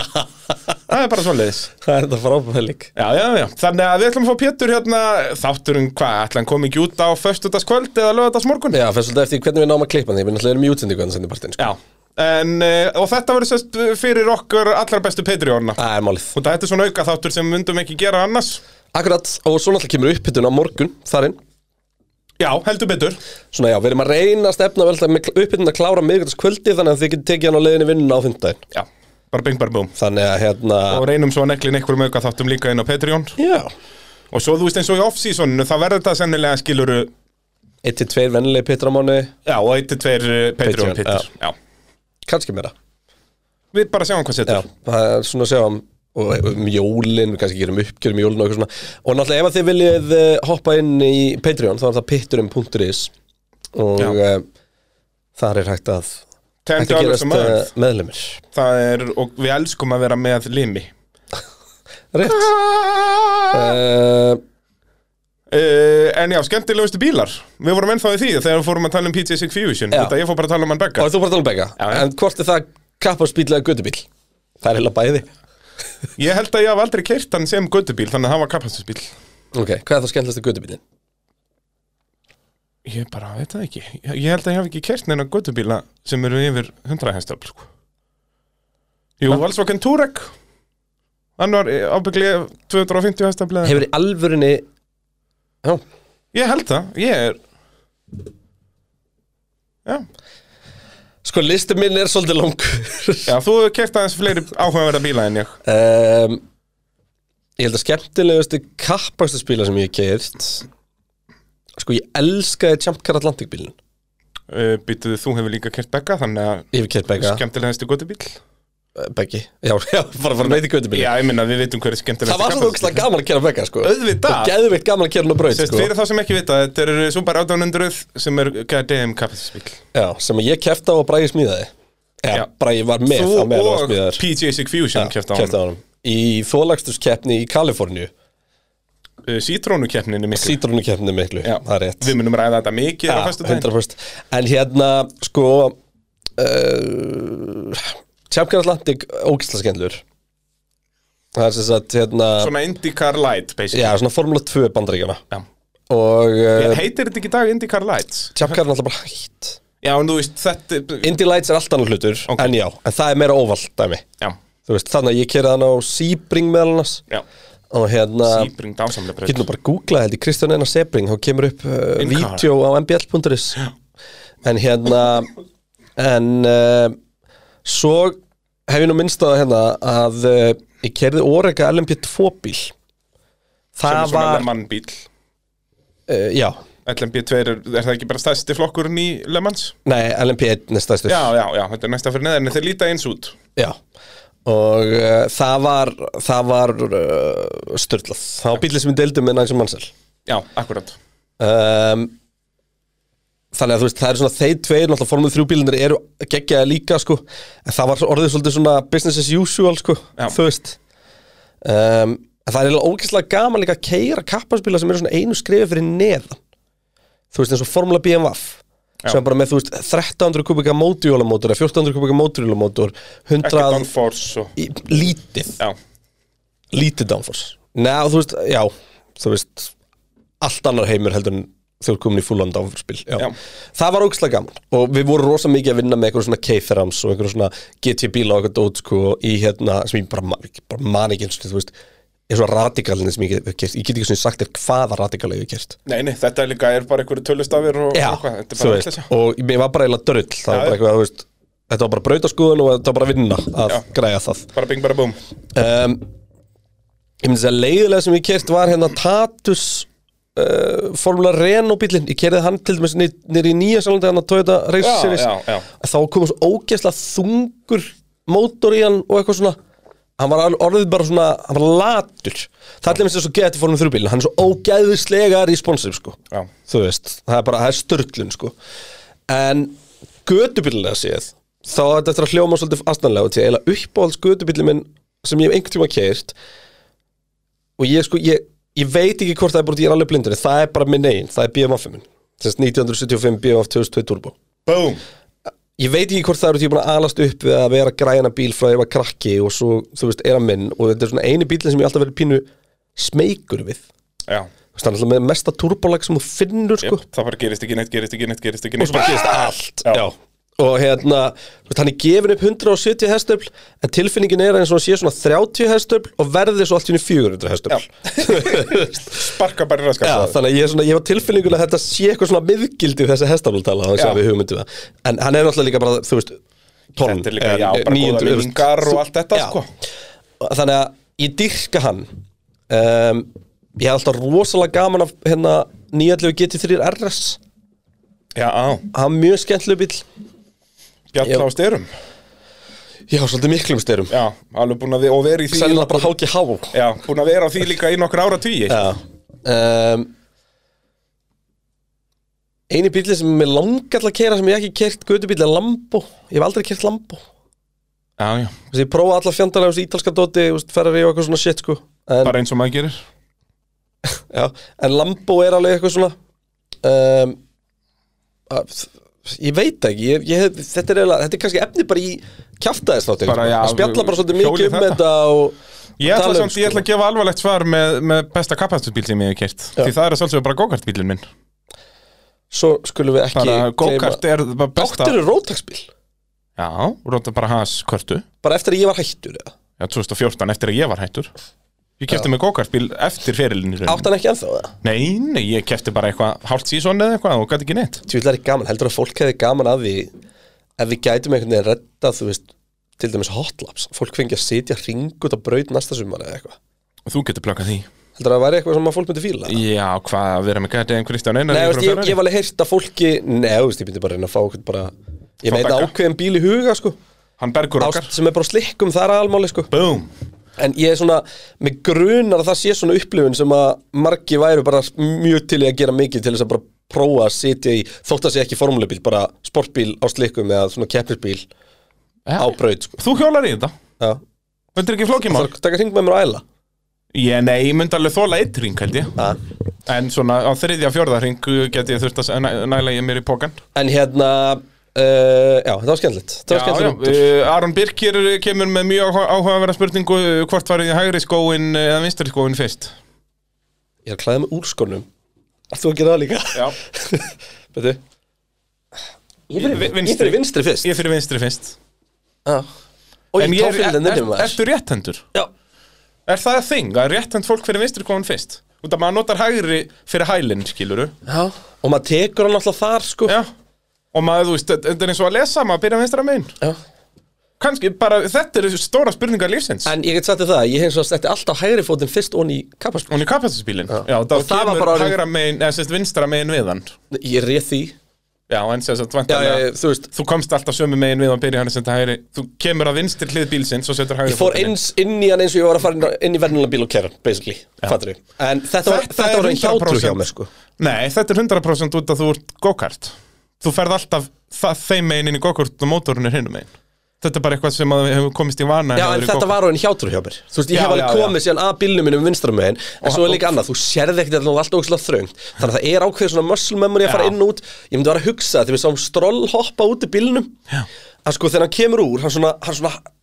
Einhvern veginn svona liggur svona Eins og hann sé í limbo þegar hann er að koma út úr Já. hennum Og því að golfið stendur alltaf hann út Og það er auðvitað svo ógeðslega vond að reka hérna aftan á Jep. fyrir ofan hælinn í Eitthvað það svona, ó, hásinninna Já, maður hásinn Ó. akkurat og hérna, hann, ég, ég hugsaði það alveg ég, ég var sko að spæða að minnast á þetta þegar við vorum að horfa á þetta leið, þetta er Já. kannski of mikið eitthvað kappasökum maður að upplifa eitthvað Já. en þú veist,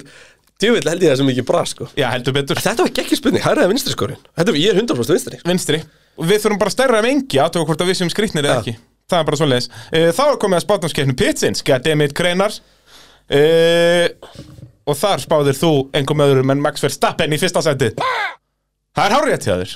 Svo kveldskist í degið og eh, skelltir Peres í anna- annað sætið Mínus 1, Hamilton þriði, mínus 1 Bottas fjórði, mínus 11 uh, Svo kemur Leclerc Svo kemur Sainz Svo kemur Norris, mínus 3 og Gastli, mínus 4 triple pow Þú varst með triple pow Og hvernig, hvernig, hvernig kanntu að meta þetta? já, powið mætt Þetta er heldur betur gott pow, þetta var ekki ég Þetta er eh, einhver leikari úr eh, Step Brothers ánægð með það Það er bara nákvæmlega svo Bara ég er með hvað, mínus 20 Þú erum með mínus 20 samtals ok, Svo er ég með Verstappen, Hamilton, Peres Allir þrýr triple pow Það var triple pow Það er bara nákvæmlega svo leiðis Eh, Svo Bottas er ég með eins Þannig að mínus 11 þar Svo er ég komið með double pow, Leclerc Sainz Og svo er ég aftur með Norris mínus 3 Svo er áhugavert, ég er með Rikki Ardó Það er sami mínus 4 og Gasly já, þú ert ekki einu sinni með gastli Nei, nei, þannig að þetta er bara veisla Why does he keep doing that? Mikið og gott úr stefnbróðis hérna Þannig að ég græði í rauninni bara tvö stig á þig út að ég var með Hamilton Peris í réttir röð hann að munurinn er 5 stig þegar við fyrir til Brasilíu Fjóra kemur eftir, fimm stig á mill okkar, hvernig fer þetta? og við erum ekki eins Herðu já, hvernig spáru Brasilíu? Hamilton, Verstappen Já, við svissum því, ég er með Vestapin Hamilton svo erum við Bottas Peres Við erum með það eins svo erum við Leclerc Norris Ég er með Leclerc- Leclerc Sainz svo erum við uh, Gastli Sainz Þú erum með Sainz í áttunda, ok Ég er með Sainz í sjötta, svo erum við Norris í Rikki Ardó Já. Þannig aftur er breytan Gasly og Rikki Ardó Akkur hattar við Gastli? uh, Hann er svo mikið upp og niður Já Þú veist, ef þú pælir í Hann er samt bara upp núna sko Já, mér finnst bara magnað, þú skoða hvað hann er mörg Þú veist, hann er í níunda sæti í Það heimsvættaramótinu verður áhverð að vita hvað hann er að skora meðaltali þegar hann skora stig Já, þegar hann skorast í, þá er hann ábygglega með svona tíu stig, sko Ef þú tekur þegar hann skorast í Hann er alltaf eitthvað bara, þú veist, Hann er bara 5. alltaf í til 8. einhvern Já, veginn, já. 5. til 7. 5. til 7. ætla ég að segja Já, í áttunda sæti ef hann skorast í er lélegt hjá honum Já, Hann hann er er góð, sko. geggjaður okkumæður Enda er hann ekki líka bara að fara til Mercedes eða er að lúi sæti þetta Herru, ég var að hugsa þetta um daginn Þú veist, Er- Russell og Gasly Það er, það er styrla kombo Já. Sástu það sem ég skrifaði, varstu að hugsa það líka Skrifaði þetta ekki Í skjalið? Já Ég, var, var, ég ætlaði að skrifa þetta í morgun sko Nei, ég sá Það er bara allavega Mm. hérna, það komið tíminn núna fyrir helgi ekki. Já, Okkar besti Bjarni Ben sem ég get lofaði að hlusta Ó, Oh. okkar, okkar allra best og hann var að spyrja það sko, hann, hann dýrka gasli hann er með eitthvað, hann er, hann er svona frakka perri Já, úh, og hérna, það er stórhættulegt já, hann er svona eini þú veist, út í Íslendingar hatir alltaf frakka í íþrótum Já, hann er svona eini sem við veitum, en hann bjóðar og eitthvað svona, þannig að þú veist, var í Já, námi það gerir þetta bara verra eiginlega en hérna, hann spurði mig, þú veist, gasli er geggjaður og hvert fer gasli Já, og einhvern veginn þróaði samtalaðinni að bara Gastli er rökrétta skrefið við hlið Russell hjá Mercedes þegar Hamilton hættir já Sem getur bara verið eftir næsta sísón Já, Og er líklega að það sé eftir næsta sísón Þannig að hann bara- er náttúrulega með samning 23 eða ekki Jú, Hann- jú, þetta- alveg rétt, hann þetta er gerði 23 samningur, sko. Alveg rétt, jú, jú, jú Þannig að þú veist, mér finnst það svona líklegast í huglablíkinu að ég útiloka ekki að hann hætti eftir næsta sísón en uh,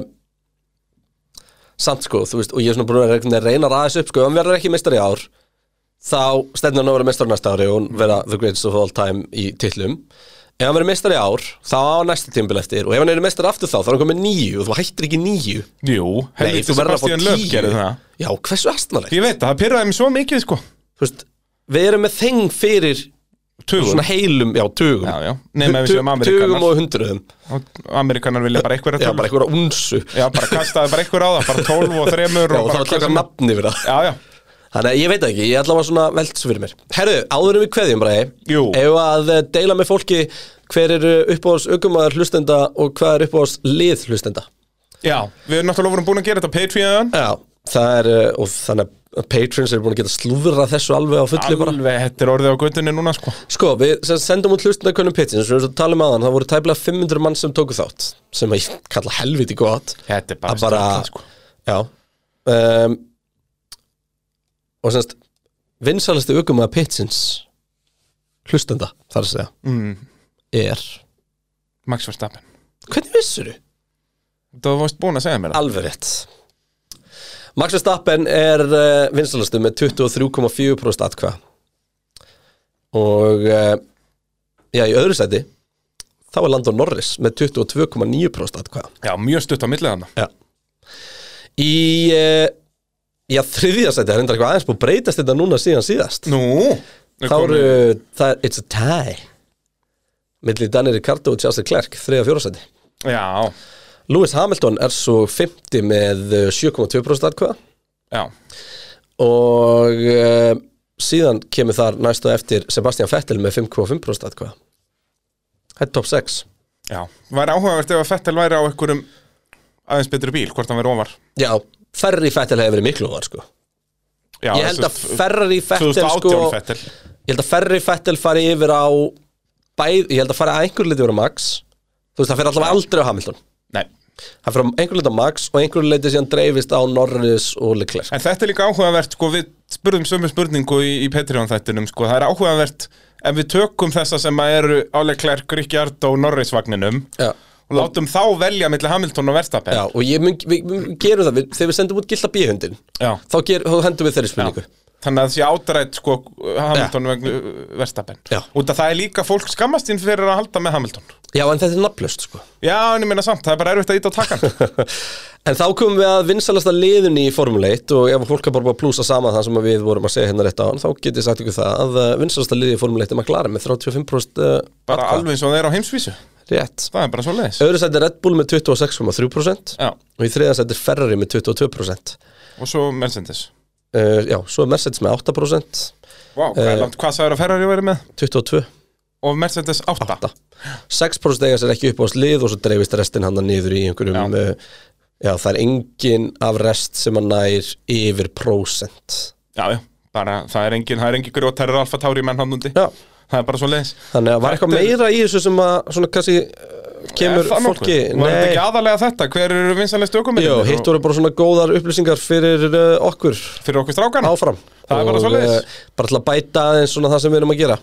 Já, uh, en prógrammi núna er náttúrulega komið út af Patreonu komið inn Þá er þetta bara, við þurfum að fara að vinna við þetta Þannig að þétt prógram framundan Það er á morgun miðugudag, eða í dag miðugudag, er ekki flestir að hlusta á þetta miðugudagsmótni Nei, já, já jú, Nefna þú veist, íspíltúrarnir frá því í gerkvöldi Vá Það er bara Í svoleiðis. alvörunni, við langar til að vita Þú veist, get, getur einhver sent með mynd af þessum íspíltur næst Já, það Bara ef, þarf að- ef þeir eru með mig á Instagram eða eitthvað Kristján hend- þarf að hendið á fá mig. þetta beint í sálina Já, uh, En það er sérst á ég, bara, ég veit bara trúið að þetta sé til á, á pittunum.is, Patreonu okkar á miðvikudaginn kemur upp uppbytun fyrir uh, Brasilíu svo á föstudaginn kemur þessi rándýri þáttur þar sem engin annar en Pétur Jóhann Fókn Sigfússon Föslöi mætir í uh, Nóa Sirius stúdíu já þetta kemur sennilega sint á föstudagskvöld eða lögadagsmorgun þetta er svona til að, að taka þegar þú fer út að lappa með hundin á lögadagsmorgun þá tekur hennan uh, PJ þátt Já, eða mándaginn ánum fyrir vinna eða eitthvað álíka Já. bara, Eða bara hvenær sem er Eða bara aftur og aftur og aftur, bara repeat Ég segi það, þó um að gera það á skellastunna pitturum.is og ekki missa af þessari veistlu Svo er spurning fyrir Patreon svo Því að alltaf sömur sem vildu sopna yfir því svona sem við erum að gera Já, Hvernig væri ef við myndum bara til dæmis Henda klóra peysuna eins meira Já, nei, en hvernig væri ef við myndum til dæmis bara henda í Patreon þátt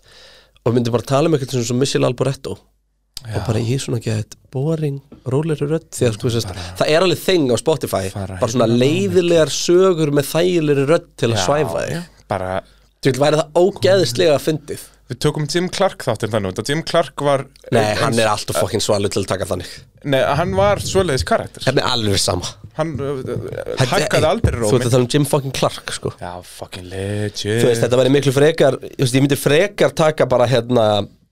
Stoffel Van Dorn þáttirinn eða eitthvað Já, bara í Býtu, það var einn aukumæður í 80s Ég var að horfa á svona re- review of the season sem að talaði svona það, var- Hann var hjá Ferrari, ég man ekki hvað hann heitir En við þurftum, sko, þetta þurfti að vera eitthvað svona aukumæður sem var ekki ógeðslega lélur, en alls ekki góður og var Já, eins og bara þessi svona, Ferrari ökumaður, var ég bara held svona að- í, þú veist, f- bara vann aldrei og var bara í svona þriðja til sjötta sæti alltaf Já, þe- þe- þessi Ferrari ökumæður, ég held að þetta sé svíi og hann var einmitt svona konungur meðalmennskunar og hann andugst talaði svona, bara í viðtölum, bara hoppaði upp úr bílnum og var bara Já, þetta er frábæð, þetta er bara bara hún svo fínt. komið þið sæla blessuð Ég er Póllur Ólur, ég bara finn ekki nafnið á kauða, sko, sem er synd á skömm Æ, það verður bara að hafa það. Já, já, En Patreon.is, þar er Patreon peysurnar komnar inn á uh, verkfæðarsöluvefin Já, sækla Vaffefest.is og um, já, upphyrna þáttinni fyrir Brasilíu eins og Bræði var að minnast á hérna strax á uh, morgun já Það er þétt prógram hjá Pitts-drákunum núna Heldur Þetta er betur. engar afsakanir, við erum komin með svo marga goddamn patrons bara bing, bara bú